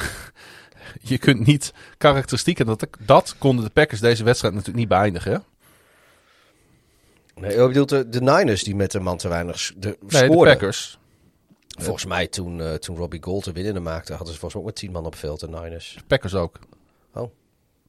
Nee, de Niners hadden gewoon elf man staan, toch? Oké, ja. De Packers hadden een tien man Ja, staan. nee, zo, ja, je hebt, ja nee, je hebt gelijk. Green Bay blunderde met een man te weinig. Niet dat die field goal er waarschijnlijk dan niet was ingegaan. Maar als je zelfs dat niet goed kan neerzetten. Ja, dat zegt dan wel ook. eh, dat is dan ook wel het verhaal van de wedstrijd natuurlijk. Ja, het, was, maar het was ook nog een vrij verre, eh, vrij verre field goal. 48 yarder of zo was het? Ja, 49. 49, het is Mhm. geen gimme. Ik bedoel, Nee. kom op man, dan, dan, dan wil je gewoon kunnen blokken. Ja. Ehm, het was koud, hè? Min 10, gevoelstemperatuur min 18. Waarmee het eh, de op vier na koudste playoff game op eh, Lambeau eh, Field was. Ja, nou, maar dat is dus wel grappig, want ja, dan ga ik weer terug inderdaad naar twee jaar geleden. Toen, Mhm. toen Aaron Rodgers zei van laat ze maar komen. Toen, toen verloren ze in San Francisco. En toen zei Rodgers achteraf van ja, laat ze maar komen naar Lambo in januari. En dan is het koud en dan zullen we het wel even zien. Maar ja, waar hij even niet aan gedacht heeft natuurlijk, is dat Jimmy Garoppolo, ja, niet, niet dat die nou de sterren van de hemel speelde, laten we dat even wel zijn. Maar dat is ook gewoon een jongen uit Chicago. Die heeft daar bij Eastern Illinois gespeeld. Laten we niet doen alsof hij nooit in de blubber en in de sneeuw en in de kou heeft ge- voetbal heeft gespeeld. Mhm. En sterker nog, eh, met de high school en alles erbij, dan heb je best kans dat Garoppolo meer wedstrijden in dit soort temperaturen heeft gespeeld dan, dan, eh, dan Rodgers uit Californië. Maar goed, dat. eh, ja, ik, ik, ik blijf het natuurlijk leuk vinden om daar naartoe terug te grijpen. Ja. Ik had nog wel een leuk vraagje om daarmee af te sluiten van Tom eh, Bosmans binnen op Instagram. Die zegt als Niners-fan ben ik zeer content, content met de pick van Elijah Mitchell. Nou, dat kan ik me voorstellen. In de zesde ronde van de draft. Ik ben benieuwd wie volgens jullie de beste late round draft steals van dit seizoen zijn gebleken. En ja, en daar wou ik dan toch nog weer even op terugkomen, want ere aan wie ere toekomt. Rookie kicker Evan McPherson.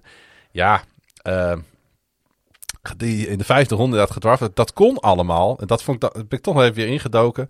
Ik dacht, hoe zat dat ook alweer? Nou, dat kon allemaal omdat de Bengals extra draft picks hadden gekregen van de Patriots voor de 38ste pick. De Bengals treden naar beneden. De Patriots die kregen trouwens Barmore. Wat ook een van de steals van de draft was. Ja, ik zeggen, dat is niet een, eh, een, een knakerspeler. Nee, absoluut een van de beste defensive rookies dit jaar. En key voor de Patriots pass rush natuurlijk gebleken. En ik wou hier nog één andere speler noemen. Uh, uh, die we ook uh, tijdens het seizoen steeds meer natuurlijk is gaan opvallen. En dat is natuurlijk Amon Ra St. Brown. Ja. ja. vierde ronde pick van de Lions. En absoluut een van de steals, hè? Ja, ja, maar volgens mij hadden wij hem wel... Of, oh nee, nee ik, ik wou zeggen, we hebben hem wel voorbeschouwd in onze preview show. Maar dat ging om zijn naam en niet om zijn, zijn kunnen. Ja, dat ging om ik zijn wou naam. zeggen, en, want, voor, ja. want we hebben de eerste ronde spelers hebben we allemaal wel. Edu heeft toen trouwens wel gezegd van uh, deze jongen heeft bepaalde kwaliteiten. Ja. Die kan zomaar bo- komen bovendrijven. Maar dat hadden wij toen nog niet gezien. Nee, nee, nee, maar sowieso letten we daar niet zo op. hey, en dan hebben we nog wel een, uh, uh, wat ik op zich ook wel grappig vind, uh, Robert Roodsand die vraagt Ja. had van hebben we Rodgers en Brady hun laatste wedstrijd zien spelen en een beetje in het verlengde daarvan uh, kwam op het als eigenlijk toen we het script al af hadden en al begonnen waren, zo'n beetje kwam Arjen Kruithof nog binnen met uh, uh, een vraag van hoe leuk is een conference final zonder Rodgers of Brady voor het eerst in twaalf jaar. En Mhm. ja, weet je, wat, wat, ja, wat denk je? Is, is, dit, is, is dit waar we nu aan moeten gaan wennen? Zien we Rodgers en Brady voorlopig ook inderdaad echt niet weer? Nou ja, er zijn natuurlijk een aantal uh, jongere quarterbacks. en ik zou uh, daar, hij is natuurlijk een tijdje geplaceerd geweest, maar ik zou er op zich de naam van Lamar Jackson ook wel in die mix willen gooien. We hebben natuurlijk inderdaad Burrow gezien. Onze grote vriend van de Chargers, die komt er natuurlijk aan. Die gaat ook absoluut natuurlijk binnen nu en twee jaar gaat die play-off spelen. Herbert. Ja, er, komen, er zijn nu een aantal jonge quarterbacks in de mix. En er gaan er niet, op dit moment gaan daar geen quarterbacks bij komen. Die gaan natuurlijk de komende jaren de dienst uitmaken. Maar ja, ik bedoel, wie zegt dat, uh, dat, dat bijvoorbeeld een Mac Jones zich er niet bij gaat voegen de komende, de komende Zeker. tijd? Nee, ik bedoel... De oh, komende, draft. Vanuit ja, de draft ja, gaat er waarschijnlijk niet dusdanig talent bij komen. Ja, ik vind het toch, het blijft een beetje gevaarlijk om te zeggen. Dat klopt. want wat ik zeg, van Mahomes had ook iedereen... De draft met Mahomes en Watson en Trubisky is ook iedereen... Mm. Ja, er zit eigenlijk nauwelijks een eerste ronde waardige draft pick in. Nou, van Trubisky, daar kun je over discussiëren, maar... Uh, maar ik ben ook heel benieuwd hoe Zach Wilson zich bijvoorbeeld komend jaar gaat ontwikkelen bij de Jets. Als die een goede draft hebben en er komen goede pieces bij om, uh, om, om uh, met name natuurlijk die aanval wat te versterken. Ja, en oh. Jacksonville met, met Trevor Lawrence. daar heb ik dan weer niet het vertrouwen in de organisatie die een winning team gaat neerzetten op dit moment. Maar goed, dat, ja, nee, dat, ligt, dat je, ligt, dan niet aan de spelers. Nee, maar goed, ook daar komt natuurlijk uh, nieuwe, nieuw technisch kader. En ja. uh, wie weet, uh, weet je, af en toe dan uh, gooi je wat stront tegen de muur wat wel blijft kleven. En dan, uh, dan zit in één keer weer goed. Ja, de... Hetzelfde geldt voor, misschien wel voor Chicago ook. Ik wou het zeggen. Ik, heb... ik, ik, dacht, laat ik het zeggen voordat jij het zegt. Nou, nee, maar ook daar, weet je, kijk, ik heb, uh, ik heb, ik heb er al genoeg over gerend de afgelopen weken. Dat ik op zich. Ik zeg niet dat ze de goede keuzes niet gaan maken. Maar als ze de goede keuzes wel gaan maken. wat betreft het technisch kader in Chicago. dan heb ik nog steeds het idee dat er meer toeval is dan, dan kunde. Ja. Maar uh, dat neemt niet weg dat ze, dat, dat ze heus die, die keuzes misschien alsnog wel uh, goed kunnen maken. Ja. Maar ook een Rodgers of een Wilson eventueel bij een ander team zoals bijvoorbeeld de Broncos of de Saints. Ja, dat zijn dan ook gewoon in één klap zijn dat dan teams die zich ook weer in de playoff mix uh, uh, terug gaan zien. Ja, maar goed, kijk, het ging natuurlijk nu een beetje om inderdaad uh, geen Rodgers en Brady. En ja, Wilson is, is reken ik daar dan een beetje als Rodgers nou, als, Ik denk dat als, als Rodgers iets goed gaat doen, is het verandering van de omgeving. Ja, het, ik, ik, het enige waar ik wel een beetje bang voor ben, voor wat betreft Rodgers, is de meest voor de hand liggende en meest getalenteerde optie, is natuurlijk Denver. Ja. Uh, dan komt hij dus wel bij Mahomes en weer een jaar verder uh, uh, de, de Chargers in. In een AFC die stacked is. Kijk, hij, hij zit natuurlijk in de... Zeg niet dat het niet leuk is. Nee, is hartstikke leuk. Ja. Maar eh, het is geen eens garantie voor playoffs. Laat staan verder komen. Want met de NFC is het natuurlijk zo dat... Dus hij zou eh, bij, maar als hij naar New Orleans gaat, dan komt hij bij, misschien weer bij diezelfde Tom Brady eh, Ja, in, in die ja, divisie. nou ja, dat zou wel eens leuk zijn. Maar als je... Kijk, Brady... Kan hij beter naar Pittsburgh gaan? Brady die is straks 45. Weet je, het moet een keer ophouden. Wilson heeft, heeft, ongeacht wat hij gaat doen, heeft denk ik langzamerhand ook wel een beetje zijn beste tijd gehad. Weet je, de NFC quarterbacks, wat dus Breeze, die is gestopt. Eh, nou, daar hebben we dan eh, Brady voor teruggekregen eigenlijk. Hmm. Eh, Wilson, Rodgers. Ja, dat, dat waren de grote jongens eigenlijk in de NFC. En, en, en, en ja, dat, dat moet nu toch echt opgevuld gaan worden door... Ja, nou ja, wie, wie zijn de nieuwe... Want, want ook van de nieuwe quarterbacks, de, de Burrows en de Herberts, de meeste zitten in de, in de AFC. In de NFC, ja, wat, wat, wat, wat, wat zit daar nu eigenlijk aan, aan, aan echt jong quarterback talent... waarvan je zegt van nou, die, daar gaan we de komende jaren heel veel plezier aan beleven. natuurlijk wel een probleem in die NFC. Hè? Want inderdaad, de Falcons hebben het niet doorgeselecteerd. De Panthers hebben een groot probleem op die positie. Eh, de, de Lions hebben een probleem op die positie. Ja, want Garoppolo, ja, we blijven altijd roepen, dat is het ook niet in San Francisco, maar met een beetje... Hij staat wel weer in de championship game en met een beetje mazzel fietst hij hem gewoon naar de tweede Super Bowl in zijn carrière. Eh, maar toch, op de een of andere manier heb ik daar twijfels bij. Ja, het is denk ik, Kyler Murray is de grote, grote jongen in de NFC. Ja, maar ook twee jaar op rij nu toch lichtelijk door het ijs gezakt op, de, op het moment dat het Ja, omging. nee, dat is Al waar. kun je bij hem ook afvragen of het niet meer aan de, aan, aan de coachingstaf natuurlijk ligt dan aan hem. Want dat hij kwaliteiten heeft, dat is ook onmiskenbaar. Ik denk dat we, dat we voor een van onze off-season podcasts moeten we maar eens even de hele boel op een rijtje Zo. zetten. Maar eh, ja, het is wel zo. Ik, ik, ik geloof nog steeds in het talent van Justin Fields. En als ze bij de Bears de boel wel goed voor elkaar eh, kunnen krijgen, dan kunnen ze voor de komende tijd zomaar eens een van de betere quarterbacks in hun conference hebben. Belangrijkste vraag, Pieter, die natuurlijk blijft staan, is er nog Zack Miller nieuws? Eh, ja, ik, ik wil dit antwoord eigenlijk zo lang mogelijk rekken, want dan kunnen we even. eh We houden gewoon even onze mond, dat is ook wel eens fijn. neem ik een slokje. I was hoping I could catch her on her way to school. Oh, sorry. Yeah, and I pass her on the shoulder, man. I Echt, het doet me zo denken aan die zes losse tanden podcast waar iedereen maar in de microfoon zit te boeren. Man, man, man. Ehm, Ik zou zo'n redneck kunnen zijn wat dat betreft. ja, ik, ik vind meer een speknek. maar eh, Spekkoek vind ik ook lekker. even kijken, hebben we nog wat, eh, wat, we, wat we willen eh, vertellen? Nee, we gaan afronden. Heb ik nog... eh, even We nog... gaan deze week namelijk gewoon nog een keer opnemen. Want we gaan voorbeschouwen op, eh, op, eh, Oh ja, dat is ook zo. op natuurlijk het ook, ook wel weer een heel mooi weekend. Een hele Ja. mooie zondag in ieder geval. Maar de conference finals. ja, Melvin Pennekamp nog hebben over de toekomst van de Packers. Ik wil er alleen nog over zeggen inderdaad, 50 miljoen over de cap.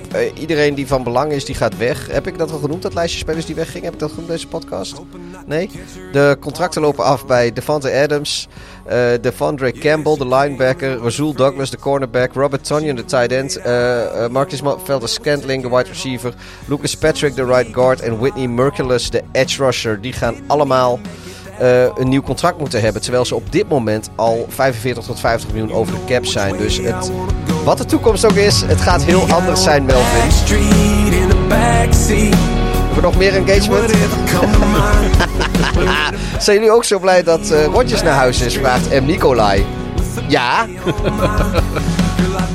en eh Arjen Kruithoff die vraagt of, eh, of wij ook nog een kandidaat hadden voor de Beer Choker van de week. Nou, we hebben geen biertopper gehad, dus misschien moeten we even de Beer Choker van de week.